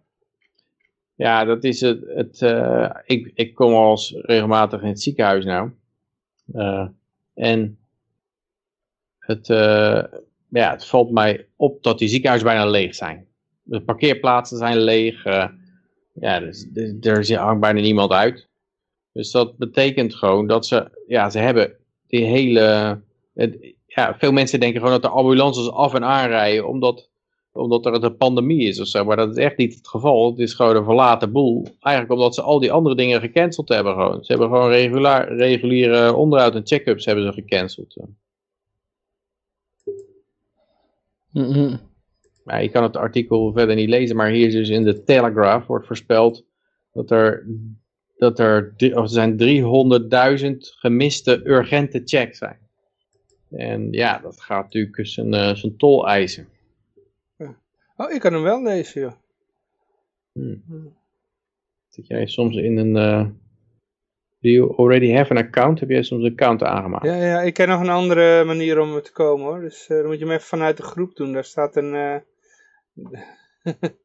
Vrijheid Radio Nieuwsdump, dan kun je zeg maar, staat die gelinkt, wordt die doorgelinkt uh, naar een opgeslagen artikel in de uh, archive.org. Dat had ik gedaan, ja. Maar... Oh, oké, oké. Oh, ik krijg een pop-up voordat ik op accept kan drukken. Dus je krijgt tegenwoordig zoveel van die ja, shit... Kan je ook wegklikken, ja. Die shit waarschuwingen en zo. Ik, het valt mij op dat je, dat je heel veel Amerikaanse sites niet meer kan lezen gewoon als Europeaan. Want, ja, met VPN wel hè? Ja, met VPN wel, maar standaard zeggen ze, oh nee, GDPR, want de Amerikaanse bedrijven die hebben gelezen dat met die nieuwe Europese wetgeving je die gewoon uh, een procent van je omzet kwijt kan zijn als er, uh, als er, als er privégegevens uitlekken of zo. Dat is natuurlijk behalve bij de overheid. En ja, ik denk dat die veel van die juristen dan bij zijn bedrijf zeggen van, nou bekijk het maar. Ik ben niet snel genoeg om, dat, om op dat accept te knikken. Oké. Ja, het is wel zo dat je dan, uh, is vaak bij lokale nieuwssites uit de VS. De grote CNN en, en, Fox, daar kan je nog gewoon opkomen. Ja, maar die hebben waarschijnlijk dat afgedekt dan met juristen wel. Die durven dat wel aan. Maar ik denk dat, ja, wat kleinere bedrijfjes, dat die dat denken van nou, dat willen we niet, daar willen we niet aan beginnen. Maar dat gaat ook nog een hele golf worden natuurlijk. Hè? Die mensen die, uh, die niet voor een boskankeronderzoek komen. Of uh, ja. dat er maar even... Uh, ja, maar even niet doen. En dan in één keer blijken ze een knobbeltje te hebben, weet je wel. Of mensen die, die altijd vermoeden hadden dat ze iets aan hun blaas hebben. Ik, ik hoor ook wel sommige mensen hoor, die klagen over bepaalde symptomen waar ze vroeger wel gewoon normaal gesproken even naar een, naar een dokter gingen om zich te laten testen. Maar die hmm. het nu maar niet doen, want ze hebben geen zin in het hele gedoe. Of ze hebben geen zin om de hele dag in het ziekenhuis te zitten met een mondkapje op. Ja. Ja. Dus ja, het is... Uh... Ja. Nou ja, het kan best zijn ook dat, dat, het, dat het daar niet eens van omhoog gaat. Want ze hebben al eens eerder van die dagen gehad dat de ziekenhuizen staakten. Ik geloof dat in... Uh, in Amerika hebben ze er wel voorbeelden van, dat het aantal doden omlaag duikt. Dat, dat geeft wel een raar idee over wat doen die ziekenhuizen nou precies. Doden genereren kennelijk. Ja. Er wordt natuurlijk, eh, ik geloof dat het na kanker de meest voorkomende, of hart- en vaatziekten, de meest voorkomende doodsoorzaak is, medisch uh, maltreatment. Dus uh, ja, medische blunder. Ja, ja inderdaad, ja. de kans is groter dat je verkeerde been niet afgezaagd wordt. Dus, de kans is groter dat je verkeerde been er niet afgezaagd wordt. Ja. uh, nou, omdat je, niet naar het ziekenhuis gaat. Oh ja, ja. je goede been er niet oh, ja, sorry, ja, je de goede been. Ah. Mm -hmm. ja, ja, ja. Sorry, ik zeg het verkeerd. Ja. Uh, maar ja, goed, ja, eh, hadden we hier nog iets over te zeggen verder? Nee. Dan gaan we naar uh, Bodegraven toe. In Bodegraven, daar gebeurt het. Uh, Bodegraven start een rechtszaak tegen complotdenkers. Ja, dat vind ik altijd uh, heel eng. Dat, je, dat is eigenlijk een thought crime, wordt het dan genoemd. Hè? Mm -hmm. Als je denkt in een complot en de burgemeester start gewoon dan een uh, rechtszaak tegen je. Ja, maar ja, dan, dan, is de vraag van Had dat complotdenken nog, uh, hoe dat, uh, leidde dat nog tot bepaalde, bepaald gedrag waarbij uh, mensen last had, ervan hadden? Nou, dat wordt dus hier gezegd. Dat zijn, ik, ik wist dat ook niet, maar in, in Bodegraven speelt dat heel veel. Kennelijk zitten daar een paar mensen die daar heel fanatiek op doorhakken. Uh, dus, of er zit een clubje van drie complotlenkers die, die uh, ongefundeerde berichten hebben verspreid. Nou, waarschijnlijk zijn die dan waar, denk ik dan altijd. Het gaat over een pedonetwerk. Over veel pedonetwerken en rituele kindermoorden in de gemeente. De gemeente 8 heeft verantwoordelijk voor verstoring van de openbare orde. De complotdenkers weigeren berichten te verwijderen. Uh -huh. Dus uh, ja, ik, ik weet, weet niet wat daar, wat daar van waar is, maar... Woont Joris Demming soms in Bodegraven?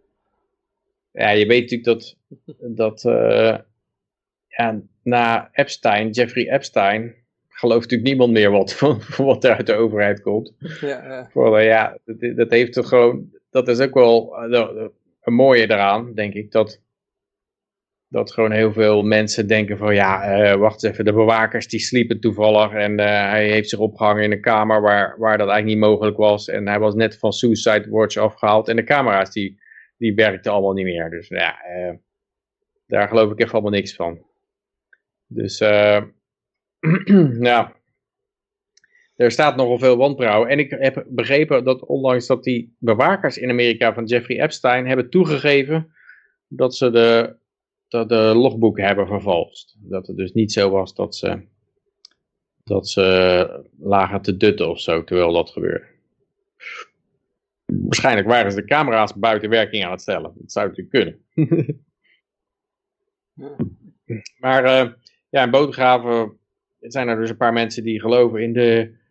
Zegt, uh, zijn verhaal werd opgepikt door corona-activist Wouter Raadgever en de journalist Misha Kat. Raadgever vertrekt, verzet zich tegen het coronabeleid en vindt onder meer dat Jaap van Dissel en premier Mark Rutte door het leger van hun bed moeten worden gelicht en dat gezondheidsorganisatie WHO wordt geregeerd door de deep state. Ja, dit zou uh, zomaar allemaal kunnen. Dit is niet verantwoordelijk uh, of uh, ondenkbaar of dat het door de CCP wordt gedomineerd of nou ja, wat er ook achter zit. Maar ze zijn in ieder geval niet met onze gezondheid bezig. Dat is wel duidelijk.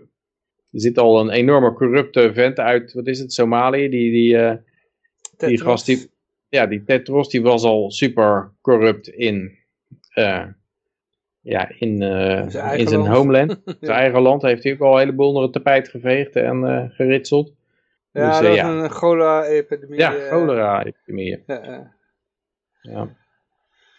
Dus maar het aparte aan dit verhaal vond ik dat burgemeester Christian van der Kamp van Bodegraven-Reewijk, die werd uitgemaakt voor pedo-burgemeester, zei onlangs in VNG Magazine dat de affaire in zijn gemeente diepe wonden heeft geslagen.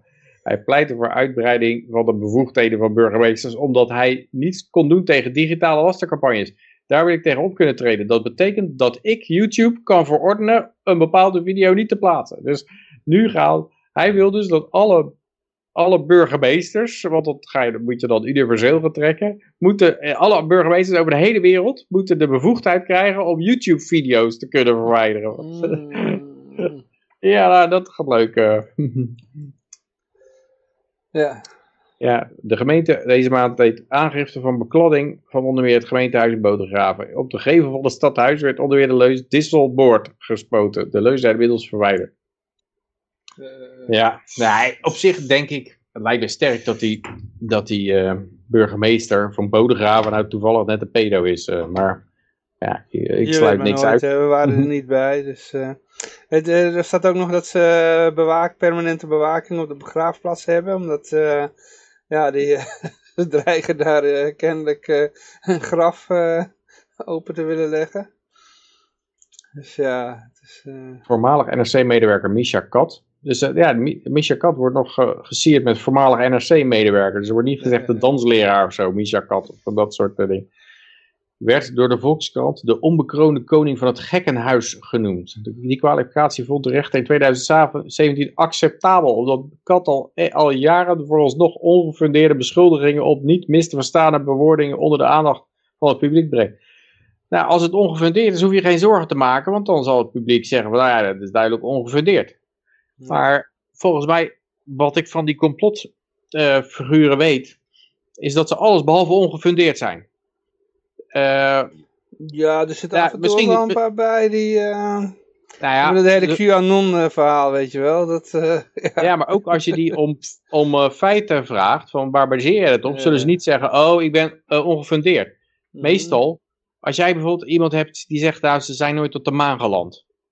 En, en iemand die zegt, nou, ik denk dat ze wel op de maan geland zijn. Wie heeft er dan meer verdiept in de, in de hele zaak? Ik weet zeker dat degene die zegt dat de maanlanding uh, in scène is gezet, dat die je helemaal om de oren kan slaan met documentaires, met allerlei feitjes. Die, en die andere gast, die heeft alleen maar iets van, ja, het lijkt me wel sterk. Zag het, dat, zag het op CNN. nou, ik, ja, het lijkt me sterk. Er zouden zoveel mensen van moeten weten. Dat kan nooit dat het er niet uitgelekt is. Eh, dat, dat is meestal het argument van de andere kant. Dus dit soort lui zijn meestal wel, wel goed op de hoogte. Wat niet wil zeggen dat hun argumenten allemaal kloppen of juist zijn of hun feiten uh, kloppen. Maar ik zou zeggen van uh, ja, ga daar gewoon op in. Nodig ze verhuur uit. En zeg dan uh, ja, wat zijn je argumenten. Want ik denk dat heel veel van dat soort lui gewoon niet weggezegd willen worden als complotdenker of zo in de gevangenis. Want Misha Kat die moet dus ook zes maanden in de gevangenis zitten. Ja, ik denk dat, dat ja, dat, dat je daar gewoon mee om de tafel kan zitten en uh, zeg nou eens, welke datum was ik met mijn pedofiele dingen bezig? Zo. Ja, die, die die datum. Nou ja, ik kan gewoon bewijzen dat ik die datum, uh, weet ik veel, deze websites bezocht of zo. Of, ja, vanaf mijn desktopcomputer. En ja, als je, als je dat, ik denk als je ermee gaat praten, dat je er, dat je er veel makkelijker uitkomt dan dat je dat je video's gaat bannen. Want er zijn natuurlijk een heleboel mensen die zich terecht afvragen, well, ja, er zijn zoveel dingen geband die achteraf waar bleken te zijn. Dus uh, ja, dat zal dit ook wel kloppen. Je bereikt het tegenovergestelde mee, denk ik. Ja, ja, ja.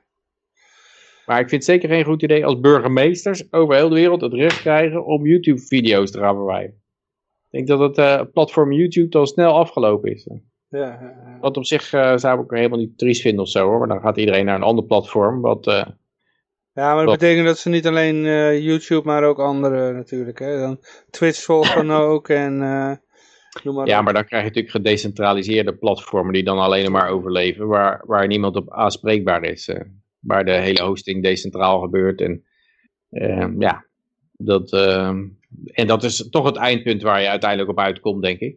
Ja, ja. ja dat, wat mij betreft mag dat wel versneld worden met deze stimulans. Ja. Maar ja, Bodegraven is, is, is een centrum van complotdenken. Nou, er wordt ook nog wat in de, in de, in de chat gezegd. Even kijken hoor. Het klinkt als een complot, zegt JP. uh, het zijn ook altijd de pedo-burgemeesters die meer uh, censuur willen. Typisch. Ja, heb je gelijk het al bewijs. Wil Misha Kat uh, censuur van de pedo-burgemeester? Nee. Andersom wel. Um, even kijken hoor. Dan gaan we naar de volgende toe. Ja, dan gaan we naar Joe Biden. Vraag is natuurlijk, heeft hij deze zin in één keer weten uit te spreken? Uh, Biden says China believes it will own America within 15 years. Ja, ik heb een heleboel problemen met deze titel al. China believes. Ja, ja een land een land gelooft niks, zeg maar. Dat is de Chinese Communist Party. Ja, je kan zeggen, hooguit als je een groep mensen bij elkaar veegt, de, CCP of zo, die, die alle neuzen één kant op hebben, dan kan je dan zeggen, nou, die, die believed. Die worden geacht om te geloven. Die worden geacht om te geloven. En als je mensen vraagt in de CCP, wat geloven jullie, dan antwoorden ze allemaal, nou, we will own America in 15 years. Ja, ja. Uh, ja, ja, ik denk dat het, dat 15 jaar, ja, ja, het zou, zou goed kunnen. Als je kijkt naar de financiën, dan is Amerika natuurlijk één grote ja, rotte appel die binnen helemaal doorgerold is. Mhm. En uh, ze hebben alleen nog een heel sterk leger. Maar de economie die is, ja, die berust een beetje op, uh, eigenlijk op dat leger. Want ook bedrijven zoals Facebook en zo, dat zijn allemaal hele dure bedrijven. Die zijn heel veel geld waard. Het is nog de vraag of dat leger sterk is, hè? Heb je de ja, laatste wervingspotjes gezien? Eh? ja, dat, dat gaat ook hard achteruit inderdaad. Het is een en al... Uh... Dat begint, ja, het gaat steeds weer op de YMCA lijken. of de Village People. Uh. ja, dus dat is inderdaad... Dat holt ook achteruit. Die rot die zie je overal doorkomen. Die gaat ook, de, die gaat ook het leger in inderdaad. En die gaat ook al die, al die gadgetleveranciers... Die al die, die al die gadgets bouwen waar ze mee vechten. Dat die gaat uh, daar gaat die rot ook doortreden. Ja. En ja, in China zijn ze gewoon ontzettend veel bezig met, uh, met onderwijs. Ze geven veel meer aan onderwijs. En niet, niet dat ze, Amerika geeft ook veel aan onderwijs, maar die gooit het gewoon weg aan onderwijs. Ja. Maar China die leidt echt mensen op om, om dingen te kunnen maken. En ja, als je kijkt naar zo'n bedrijf als Apple, ja, die laten hun telefoons laten ze in China maken. En ja, dan maken zij er wel winst op, omdat ze er intellectueel eigendom op hebben en zo. Hm. Maar ik denk, ja, Huawei was al zijn eerste teken van, ja, we gaan een bedrijf gaan we verbannen, omdat die een beetje te, te groot worden. En dan, dat, dat is eigenlijk al een zwaktebod. Dat betekent dat, uh, dat ja, nou komt Huawei al met een eigen besturingssysteem, want die werden, eerst werden ze van Android afgeknikkerd. Dus oké, dat is kennelijk een zwak punt uh, als we van Google afhankelijk zijn. Nou, dan gaan we toch gewoon eh, een eigen operating systeem mee maken. En zij hebben er ontzettend bakken ingenieurs voor om dat te doen ook. Dus daar, dat gaat ze ook nog lukken. Dat proberen ze natuurlijk ook nog een stuk beter te maken dan de concurrentie. En ja, zo gaat het denk ik allemaal. Ze kunnen nou al voorspellen van dat China veel meer marineschepen kan produceren dan Amerika.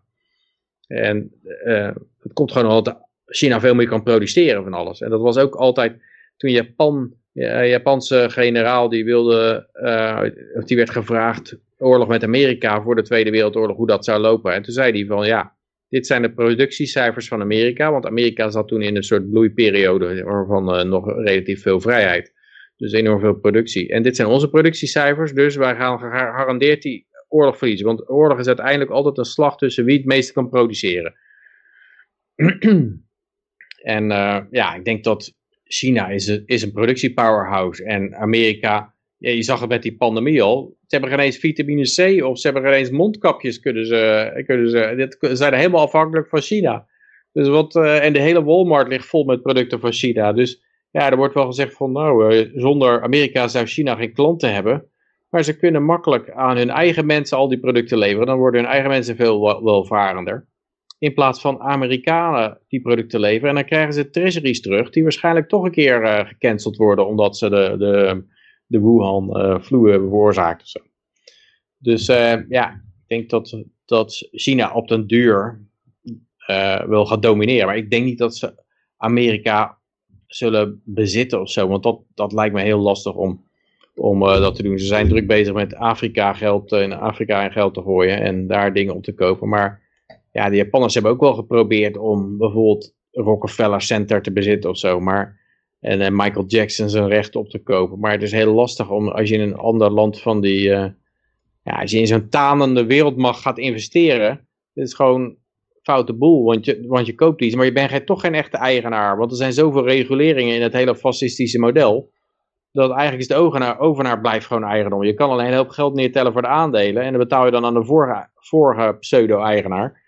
Maar als je, als je wil zeggen, nou dan ga ik het bedrijf verbeteren door dit en dit aan te passen. Nou ja, dan zeggen ze ja dat mag niet, dit mag niet en dat mag niet. En je mag eigenlijk niks aan veranderen, dus het moet verlies blijven leiden. Ja, dan, uh, dan ga je dat niet kopen. Dus ik denk niet dat China wat in Amerika gaat kopen, zeker niet als, uh, ja, als duidelijk is dat ja, China heeft, is al geweigerd een aantal dingen te kopen. Dus een haven kopen. Ze nee, dat is van strategisch belang. Dat mag niet. En dit mag ook niet. Uh, zij, het staan al op gespannen voet. Dus ik denk niet dat de Chinezen nog veel gaan uh, investeren in Amerika. Hm. Maar ik denk wel dat ze op den duur gaan domineren. Maar ja, China heeft natuurlijk ook een totalitair systeem. Dus dat kan ook economisch niet goed blijven gaan. Maar ik heb het idee dat ze in ieder geval op economisch vlak meer vrijheid hebben dan Amerikanen. Uh, tot nu toe. En dat de CCP nog wel een keer ten val komt uh, in dit proces. En dan, kan, dan is denk ik China helemaal los. Dan, uh, ja. ja. Ja, je kan je beter afvragen waarom zegt Joe Biden dit, hè? Ja, dat is ook interessant. Heb je daar een idee over? Ja, ja zat. dat zullen we nog wel zien. Meer budget. Ja, ik weet niet. Het is inderdaad, uh, of ze willen inderdaad oorlog, of uh, wat de eerder zeiden natuurlijk, die, uh, ze zeggen van, nou ja, die miljard, laat maar zitten, hè? Of wat was het? Hoeveel? biljoen. Duizend miljard. Biljoen, ja. Trillion. Ja. Van jongens, laat hem maar zitten, want jullie, jullie hebben een pro product geleverd waar we niet om hadden gevraagd. Wat dat trouwens ook de vraag is, hè, want Fauci heeft gewoon in dat lab geïnvesteerd, hè? Wat hij zelf dan weer ontkent? Nou, hij ontkent dat niet in die zin dat dat, dat geld er naartoe gegaan is. Maar hij zei, ja, ik had het voor iets anders ge, gebedoeld. Maar ja, kan zo'n instituut kan nog gewoon zeggen van, uh, oké, nou dan geven we jouw geld, gaan we dan aan daar aan uitgeven. Maar dan hebben we opeens wat ander geld over. En dan gaan we daar dat uh, gain of function research mee doen. Uh -uh. En er is nou zo'n e-mail uitgekomen van iemand die dat gain of function research deed. Of die, daar, ja, die, die deed dat, of die werkte samen met die groep die dat deed. En die heeft die bedankte Fauci voor het uh, ontkrachten van de, van de origin uh, uh, ding van Wuhan. want, ja, hij was natuurlijk ook niet blij als daar de spotlight op kwam staan. Dus hij bedankte bij, Fauci dat Fauci zei van nee, dit is een onzintheorie dat, dat, het, dat het virus uit het lab komt. Die vent die daarbij bezig was met dat, met dat onderzoek, die zei, hé hey, bedankt hè. Maar ik denk dat het inderdaad is van, uh, ja, Biden is natuurlijk altijd iemand die zegt, ja, dus moet er bold action zijn om China voor te blijven of zo. Of, uh, uh, en bold action betekent dat ik al, jullie, al jullie geld moet uitgeven. Dat is altijd, en nog meer. En het van jullie kinderen ook. En dat, dat, dat is bold action om wat te verkopen, wat uiteindelijk het tegengestelde resultaat heeft. Dat, eh, ja, dat je gewoon een totale centraal geplande economie krijgt die, eh, die nog sneller instort. Ja. Als je, als je China voor wil blijven, is het gewoon heel makkelijk. Gewoon iedereen en alles vrijlaten, regulering eruit schrappen. En dan gaan mensen andere studies nemen, mensen gaan weer kinderen nemen, uh, mensen gaan weer sparen en investeren, mensen gaan weer uh, rotte beleggingen gaan failliet. Uh, mensen komen vrij om om dingen te produceren van, uh, die nodig zijn. Maar het, is nu natuurlijk zo dat heel veel van de bedrijven die hangen aan elkaar van China eigenlijk. Ook de grootste bedrijven Amazon, die verkopen allemaal spullen uit China. Walmart verkopen spullen uit China. Apple laat zijn spullen, zijn phones in China maken. Uh, Facebook zonder patentbescherming zouden ze gelijk, uh, ja, weggereden worden door een concurrent. Zodra ze gaan censureren dingen die waar zijn bijvoorbeeld. Die, zelfs dingen die waar zouden kunnen zijn. Theorieën. Zoals de autonome drone. Het is ook wel grappig dat hij zegt, we're in a battle between democracies and autocracies. En een democracy is dan waar hij gewonnen heeft. Uh, met allerlei hele vreemde uh, stemmethodes, met mail-in ballots, uh, waar je geen ID hoeft te tonen. En waarin hij ingewijd werd als president, omgeven door een enorme muur met zoveel duizenden militairen, die er nog steeds zitten geloof ik, die militairen. Dus hij zit nog steeds met een heleboel militairen daar in, de, in het Withuis, of de, daar die omgeving. Ja. Dat, ja, dat is dan democratie. Ja. Maar we hebben de autonome drones. En die hebben al slachtoffers gemaakt in Libië. Ja, zelfs nog op andere plaatsen. Uh, ja, er komt geen mens meer aan te pas hè, als er iemand vermoord moet worden. Dat is de toekomst. Ja, en zij wel. Oh, oh. oh ja. Het zijn wel zorgwekkende dingen. Ja. Je Robocop-achtig. Ja. De STM Cargo 2. Which is manufactured described as a rotary wing attack drone. Loitering munition system. Dus ja, ja, er wordt wel heel erg gedaan over, oh mijn god, de robots die mensen gaan vermoorden. Dit is, nou is de hek van de dam. Want dan kunnen ze hele zwermen gaan maken en zo van die robots. En dan, ja, dan krijg je kan je daar nog verzet voor verzet bieden als een hele zwerm van die robots op je afkomt. Eh. Maar ik denk dat het, uh, dat het punt een beetje is dat, dat mensen zijn, die soldaten zijn eigenlijk ook een soort robots. Die volgen ook gewoon bevelen op. Die denken ook niet na van, uh, is dit wel ethisch verantwoord als uh, iemand een kruisje op mijn beeldscherm zet en een labeltje ernaast, bad guy, en, en ik blaas hem op of zo. Druk op de firing knop. Dat is, er zit niet zoveel verschil meer tussen de, tussen de geheel geprogrammeerde soldaten en autonome drones. Wel een paar whistleblowers gehad, toch? Ja, nou ja, die hebben ze eigenlijk succesvol hm. kopje kleiner gemaakt, uh, denk ik. Ik denk dat, vraag me af, Obama heeft natuurlijk de hoeveelheid whistleblowers gevangen gezet die onge, meer dan al, de, al de voorgangers bij elkaar. En ik denk dat daar wel een bepaalde dreigende werking van uitgaat. Van, uh, dat, uh, oké, als je het doet, dan moet je heel snel zorgen dat je daarna in Moskou zit. Want, uh... Ja. Dat scheen ook al actief te zijn. De CP zegt, minder PTSD-piloten om de zorg te ontlasten. Oh ja, we doen het voor de zorg, dit dan. ze waren ook al actief vanuit Turkije richting ehm, Libië. nee, Libanon, sorry. Er zouden ook op journalisten geschoten zijn, had ik begrepen. Ja, ze beginnen altijd eerst in het buitenland te schieten. Dat was bij Julius Caesar al zo. We gaan eerst naar Gallië toe. En dan gaan we de Germanen ook een beetje lastigvallen. En uh, we gaan buitenlandse campagnes voeren. En we moorden erop los. En we komen een heleboel buit terug met plunderbuit. Maar in Italië, als we over de, de eh, de rivier stappen, hoe heet het ook wel, de Rubicon, dan, dan, dan uh, zetten we onze legers uh, in stand-down en dan gaan we, op eigen grond doen we niet. En, en uiteindelijk zit je op, op een gegeven moment ook met een burgeroorlog en een dictatuur en een, en een keizer. Want waarom zou het, als het in het buitenland zo goed werkt, waarom zou het in het binnenland niet doen? Dus ik denk dat al die dingen die in het buitenland gebruikt worden, ook allemaal in het binnenland gebruikt gaan worden. Net zoals alle dingen die op dieren gebruikt werden, worden uh, koeien en zo, registratiesystemen. En dat wordt ook allemaal op mensen gebruikt uiteindelijk. Ja. Oké hoor. Ze hebben een, dat zal wel vijand zijn hoor. Een vijand die uh, whistleblowers zelf zijn piemel, afgehakt. Oh ja, ja. Ja. Ja, hebt hij het nou over ISIS? Want ik heb al, ik heb al de hele tijd niks meer over ISIS gehoord. ISIS is weer helemaal uh, het hele kalifaat. Ik heb niks meer over het kalifaat gehoord. Dat was, uh, was een hele tijdelijke aangelegenheid. Ik heb heel, heel erg wat bedenkingen bij dat kalifaat. Nee, ze hebben van een van, ze hebben van, een van de whistleblowers zelfs de piemel afgehakt. Dat is, bedoelt die Chelsea Manning. Oh, ja, ja. Charlie, ehm, ja. Manning, uh, Brad, Manning, eerste Bradley, Bradley, Bradley Manning. en, ja. ja. het is waarschijnlijk nog je beste weg naar buiten toe. Je zegt, nou, stop mij maar vol met hormonen en dan, dan, dan, dan laten ze je los als een soort voorbeeld. En dan, uh, maar ja, dan mag je wel blijven leven. Misschien ook uh, Julian Assange kan dat ook nog doen. Misschien. Hm. Ja, en dan gaan we naar Elon Maar ik denk ook dat dit soort dingen heel erg fout gaat in het begin. Dat niet fout, moreel fout, maar gewoon, ja, dat, dat ding dat werkt gewoon niet goed. Dan is er ook een flartwolk voor of er komt een uh, made in China.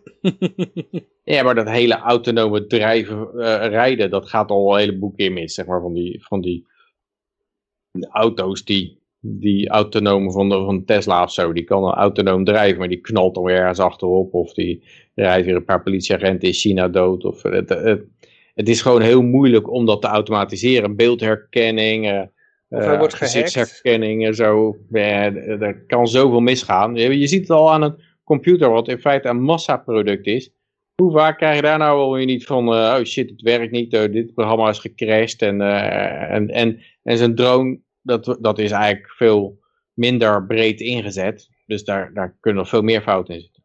Ja. Ja, het, is, het zou dan zijn, dat wat ik gelezen had, of tenminste ik had gehoord in een filmpje, dat hij dan, de, die, tenminste die Turkse drone, die ging dan puur op iemands het telefoonnummer, zeg maar. Die, die, die, die gast die, uh, was dan een journalist, die moest dan dood. Dus wat ze dan deden was van, nou ja, zijn telefoonnummer, dat, dat was het signaal waarop geschoten moest worden. Hmm. En, maar ja, goed, dan gaat, wordt het nummer straks aan iemand anders gegeven. Want zo gaat het, hè. Die nummer komt terug in de ja. pool. ja, die wordt, daar wordt dan ook op geschoten. Ja, die gaat er ook aan. ja. ja, en zodra dit soort figuren dat doorhebben, dan gaan ze natuurlijk ja, een, uh, een mobiele telefoon ergens aan een ezel binden of zo. Of dan uh, laten ze die een beetje rondlopen. Of ze, of ze doen hem gewoon onder een Israëlische bus of zo. Dat soort dingen, dat kan, uh, dat kan natuurlijk ook. En dit ding, dat weet niet van, oh ja, de Israëlische bus moet ik wel mee, mee uitkijken. Want dat zijn onze bondgenoten. Dus boom, die blazen dingen op. Ja, dat soort dingen. Ja, ik denk dat dat nog heel vaak misgaat. Ja. Wat ik altijd raar vond met die drones dan, die, uh, die, ja, die Obama, in de Obama-tijd veel gebruikt werden. Nog steeds ook onder Trump trouwens.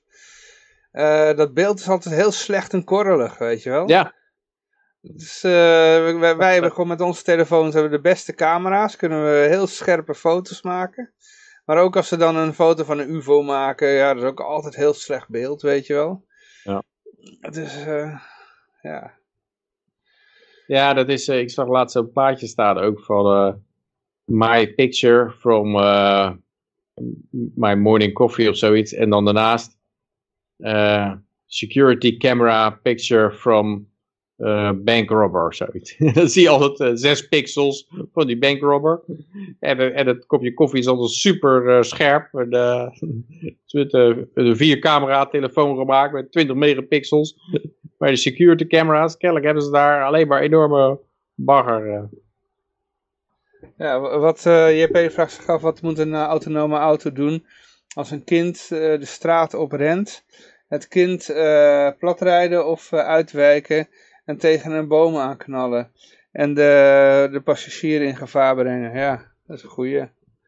Ja, er wordt denk ik altijd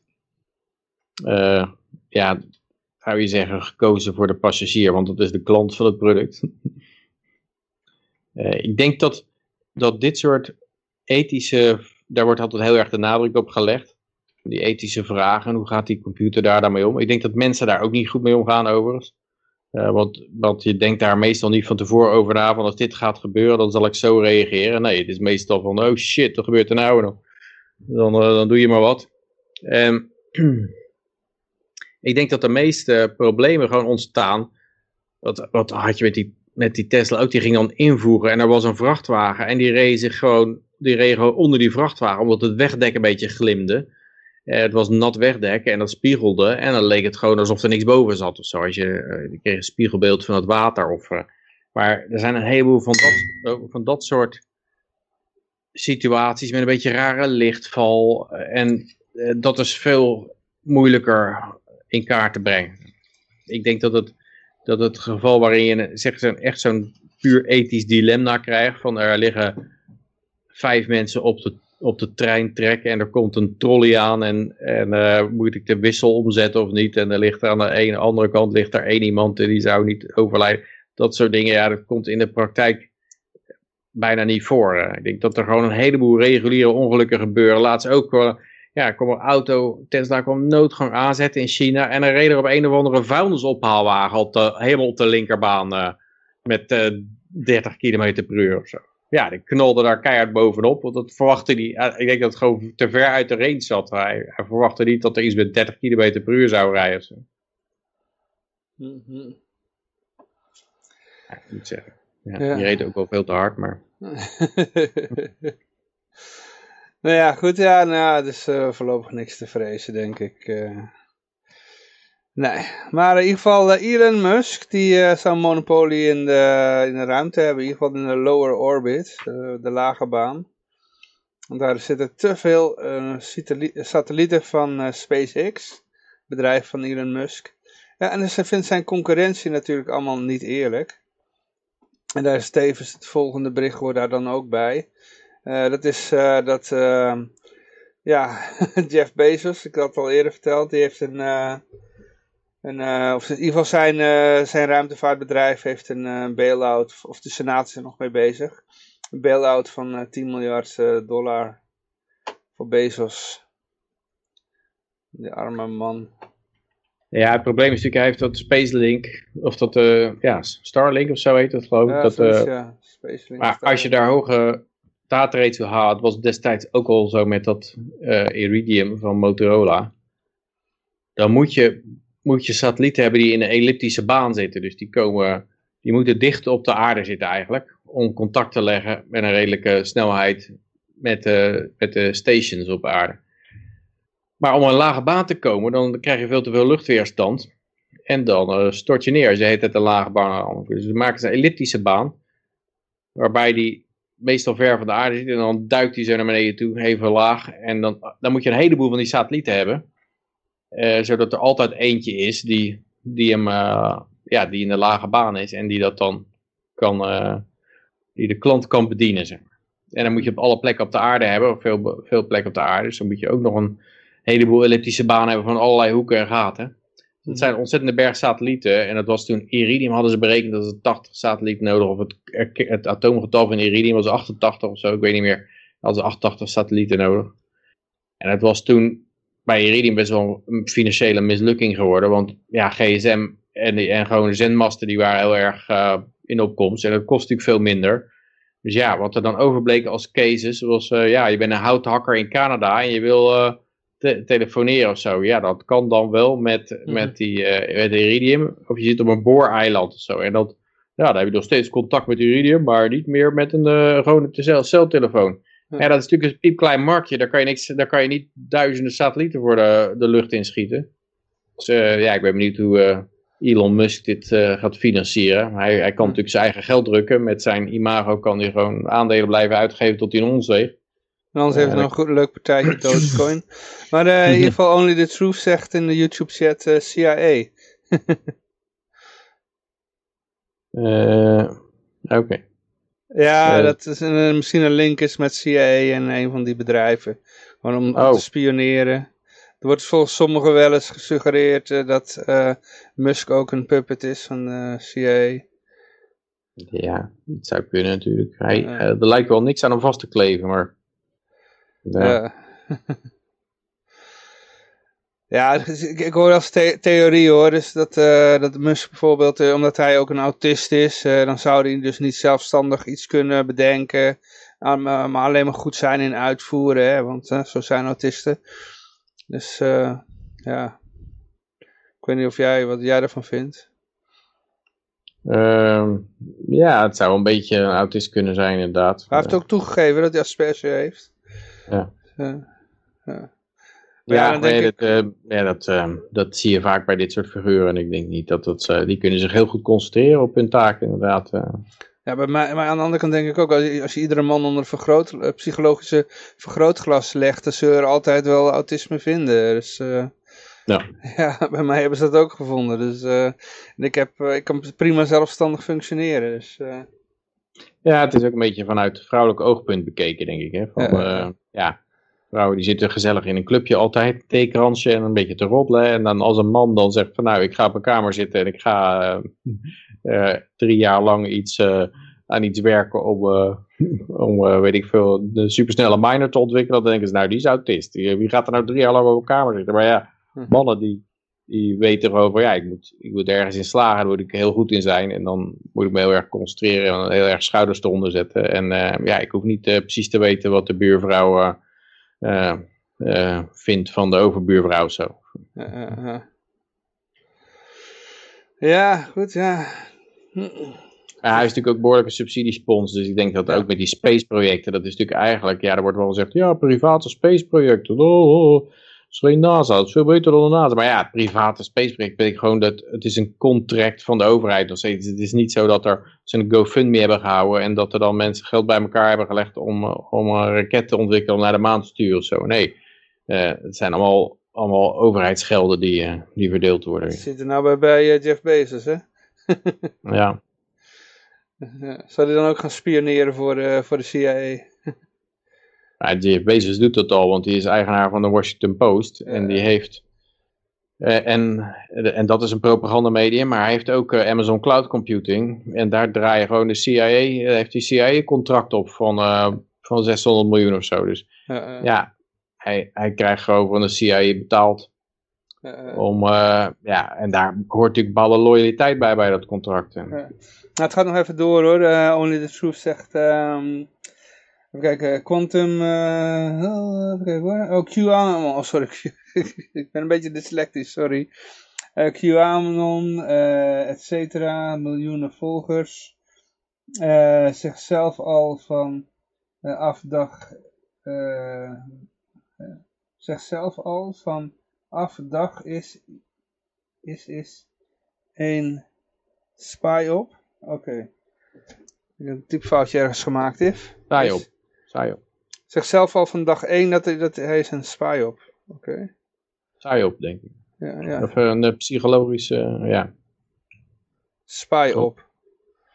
Is het Psyop? Ja. Ja, een psychologische operatie.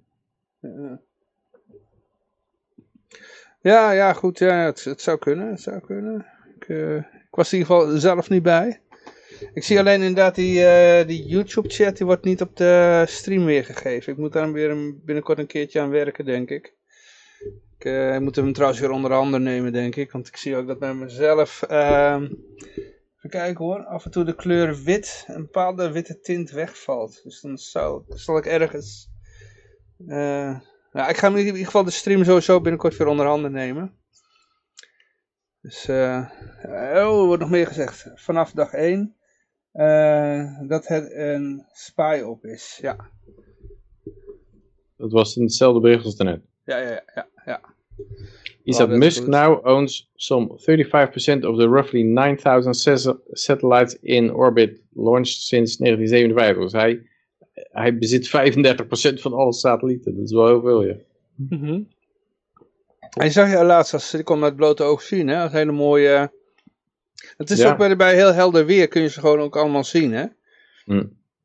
Dus uh, als je dan naar boven kijkt, kun je gewoon met blote oog kun je die satelliet, satellieten zien. Dus, ja, het is uh, een zonne, dik zonnepaneel hebben toch? Ja, hm. Het is een... Uh, ja, als het knippert is het een vliegtuig. Als het niet knippert, knippert dan is het waarschijnlijk van Musk. dus, uh, even kijken hoor. Trump is niet oké, zegt uh, Only the Truth. Ja, ja, het is een politicus, hè. Misschien was het wel een, eh, een, een, een, een, eh, een troll van de Democratische Partij, hè. Een lifelong Democrat die dan in één keer naar de GOP overstapt. En ja, wanneer hij geen president meer is, ja, blijkt die hele partij over, overhoop te liggen. Dus missie geslaagd. ja. ja, en hij zou nog een, hij zou nog een eigen media beginnen. Dat was alleen maar een blog geworden. En die blog die heeft hij nou gesloten ook, begreep oh. ik. Oké. Ja, maar het is toch niet zo moeilijk om een... Ja, ik, zou zeggen sowieso, als, je, als jij een decentraal platform wil beginnen, ja, die is er al. Je kan gewoon naar memo.cash gaan, weet je wel. Je kan ook gewoon een of andere coin uh, nemen die, uh, ja, neem gewoon een Dogecoin of zo. En, en bouw daar een social media platform op. Ja, of e-gulden. het ligt er al. Is, denk ik, het punt is denk ik dat dat hij wel iets groots wil neerzetten natuurlijk. Hij wil niet, uh, ja, je kan een of andere bloggetje op memo.cash hebben of zo, maar ja, dat... Uh... Nee, het gaat erom dat meerdere mensen erop kunnen, dat ze niet, niet eraf geflikkerd kunnen ja, worden. Ja, ja. ja Nee, maar ik denk dat hij gewoon iets groots wil neerzetten of zo, dat hij... Dat ja, JP uh... zegt op Honk, nee, Honk is een token, dus daar kan je niks bouwen. Honk is een token op het Bitcoin Cash netwerk. Dus daar kan je geen, geen, geen, geen decentraal platform opbouwen.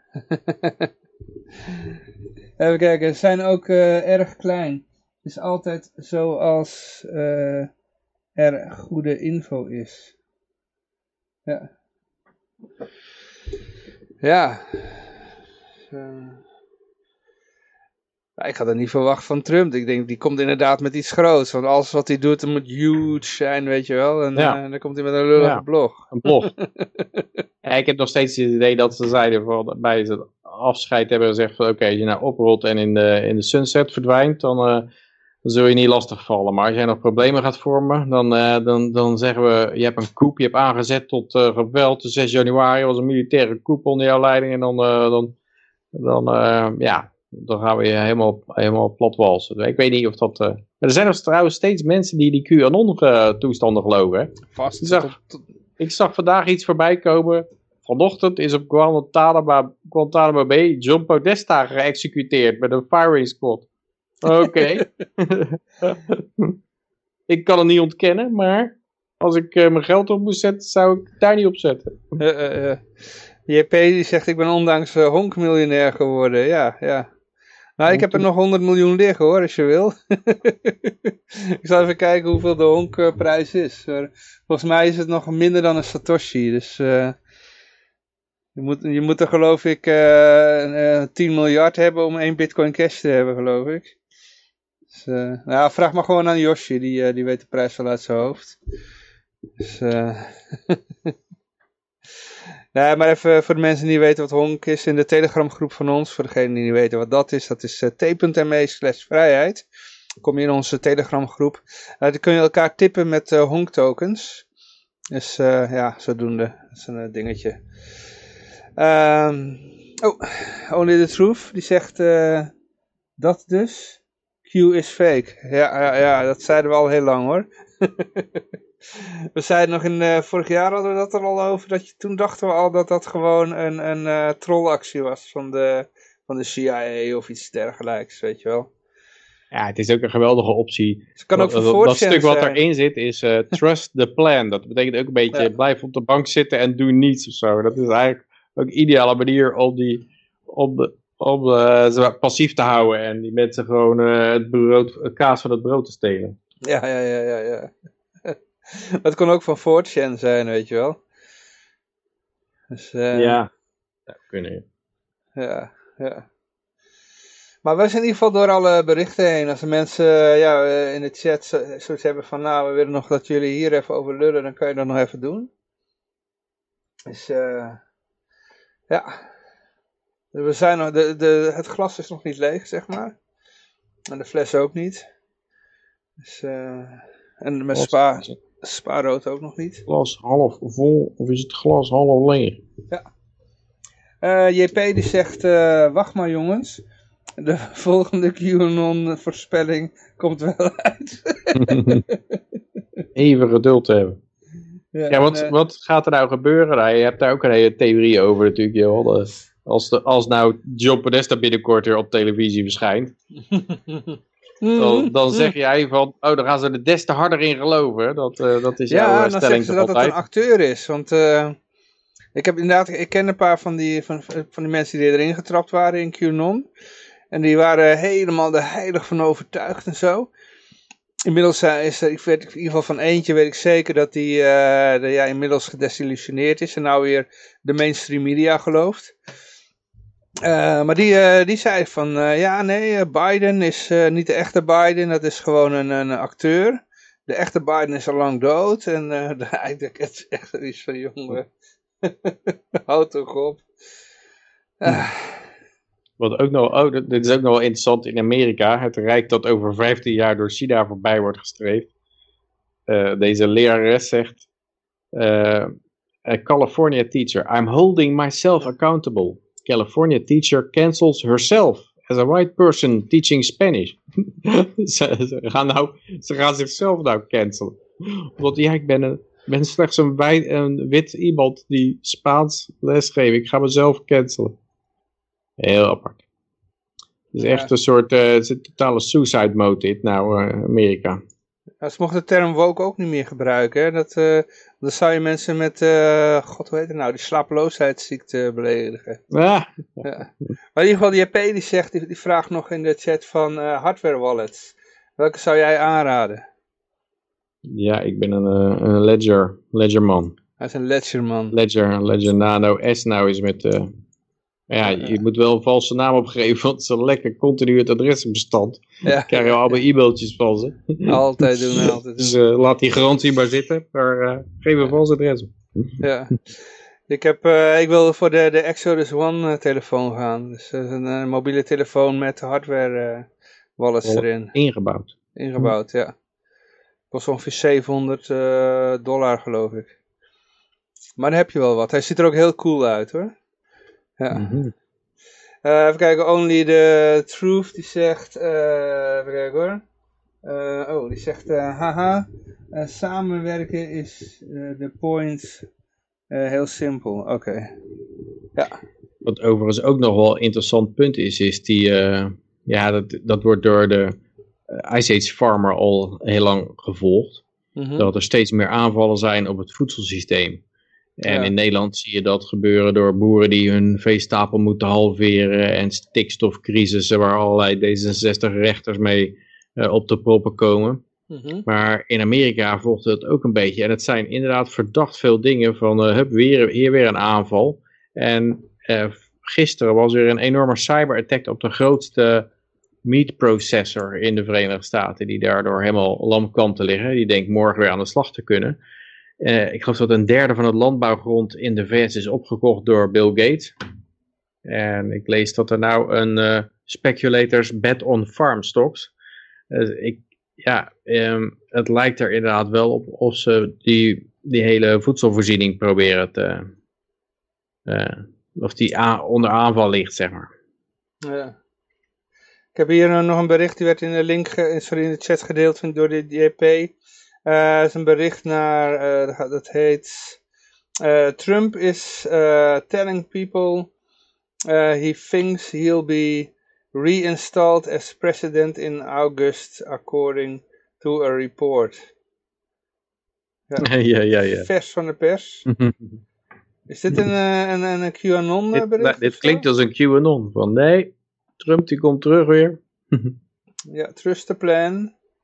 Nou, ik vind het wel, blijf het nog steeds een rare zet vinden dat, ja, je krijgt toch het idee dat, dat de hele zaak wel in elkaar moet kukelen onder deze... Oh, oh het is van Business Insider. Volgens mij is het geen QAnon. Oh. Uh... ja, ik ga nog even verder lezen, maar vertel, vertel maar hoor, wat je...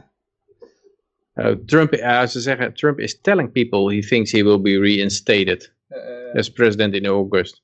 Maar je hebt wel het idee van ja, als de hele zaak omlaag komt, dan willen ze natuurlijk wel het liefst daar een Trump hebben zitten. Ik dacht altijd dat het Trump zijn rol was om de fall guy te zijn voor dit geheel. Ja. Eh, dus het verbaast me eigenlijk dat ze nou ja, Trump geruimd hebben en daar Biden neerzetten. Want degene op wiens hoofd dit neerkomt, die krijgt natuurlijk dan de hele schuld. Uh, niet dat de hele schuld op, op die persoon uh, drijft, maar ja, ik denk wel dat, uh, ja, dat, dat hij wel makkelijk daarvoor verantwoordelijk te houden is. Ja. En je kan het natuurlijk niet in de lucht blijven houden door steeds maar weer 6 triljoen erbij en dan uh, 6 uh, biljoen erbij en dan 10 biljoen en, en zo door blijven gaan. Op een gegeven moment dan, ja, dan, dan zegt China, ja, wij leveren niet meer voor, je kan wel zoveel geld verzinnen, maar van ons krijg je niks meer. En dan hebben zij een probleem misschien. Maar Amerikanen hebben ook een probleem. We hebben een veel groter probleem. Ja. Ja, in ieder geval, het komt van uh, Maggie, het komt niet eens van Trump, het is uh, Maggie Haberman die dat, okay. uh, dat, die dat tweeten. Ja. Dus daarop baseren ze dat Trump dit dan aan de mensen vertelt, ja. Ja, leuk, ja. ja. ja. Ik denk ook wel eens dat ik in augustus ja. geïnaugureerd ga worden, hoor. Dat, maar je moet wel altijd inderdaad, als ze wat over Trump zeggen, moet je wel denken, moet je wel heel erg voorzichtig zijn. Want het meeste klopt het niet. Is het, een, uh, is het verbogen, een strawman? Nou is het dus eigenlijk een beetje hearsay. Dus, uh... hm. Maar ja, goed, het is... Uh... ja, oké. Een mean tweet 2000... 24, oké. Ik moet wel zeggen dat al die uh, audits, die worden enorm tegengewerkt door de democraten. Waarvan je zou zeggen van, uh, ja, als ze niks te... Uh, en helemaal op, op lullige procedure dingetjes en zo allemaal. Dus je hebt het idee, waar als ze niks te verbergen hebben, dan, nou, hoef je er ook geen zorgen te maken. Maar nee, ze, ze bevechten ze allemaal. Dus ze zijn toch wel ergens bang voor. Ja, tuurlijk, ja. Lijkt me ook wel duidelijk. Uh, ze ergens bang voor zijn natuurlijk, hè. Dus, uh... Ja, maar ik zou zeggen, als je het uh, allemaal goed, goed hebt doorgestoken, die kaart, dan hoef je toch nergens zorgen over te maken. Ja, ja, ja. Nee, dat is natuurlijk de, de, de, de smerigste vorm van politiek. Ik bedoel, hoe, hoe, groter die macht is die ze hebben, hoe corrupter het eigenlijk is, weet je wel. Ja. Dus ja. ja. er staat steeds meer op het spel als de overheid een groter gedeelte van mensen hun inkomen uitgeeft. En als er meer op het spel staat, dan is alles geoorloofd op een gegeven moment om daar te winnen. En dat, ja, dat, uh, daar hoef je niet gek van op staan te kijken. Ja.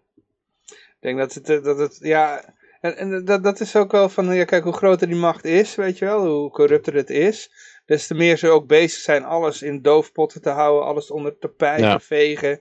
Maar ze kunnen het heel moeilijk onder controle houden, weet je wel. dan krijg je al die whistleblowers, dan moet je daar weer achteraan gaan, weet je wel. Het is op een gegeven moment is het net als, uh, ja, je hebt al dat kruimels onder het tapijt geveegd en dan in één keer zijn er overal muizen. En dan loop je daar om weer achteraan te rennen, weet je wel. Dus ja, het is... Ja, uh... ja het wordt instabiel, uh, dat is wel... Of er komt een enorme stank en dan zeg je, ja, waar komt die stank nou weer vandaan? Uh, Heel veel oude klonje. in de kast of zo, uh, zo de, de, het wel. Franse koningen deden dat ook altijd al. Het stonk enorm, want ze hadden geen toiletten. En dan hadden ze heel veel oude klonje om het recht uh, te bakken weer. ja, goed, ja, het is... Je vraagt je dan af van hoe lang gaat dit nog door, weet je wel. Het, het is toch gewoon niet vol te houden, maar ja... Ja, maar mensen, nou... zien, mensen zien geen alternatief voor democratie. Hè. Ze hebben gewoon een mening dat ja, iets anders dan democratie is dictatuur. Dat is het enige wat je kan voorstellen. Of, of anarchie, chaos. Eh.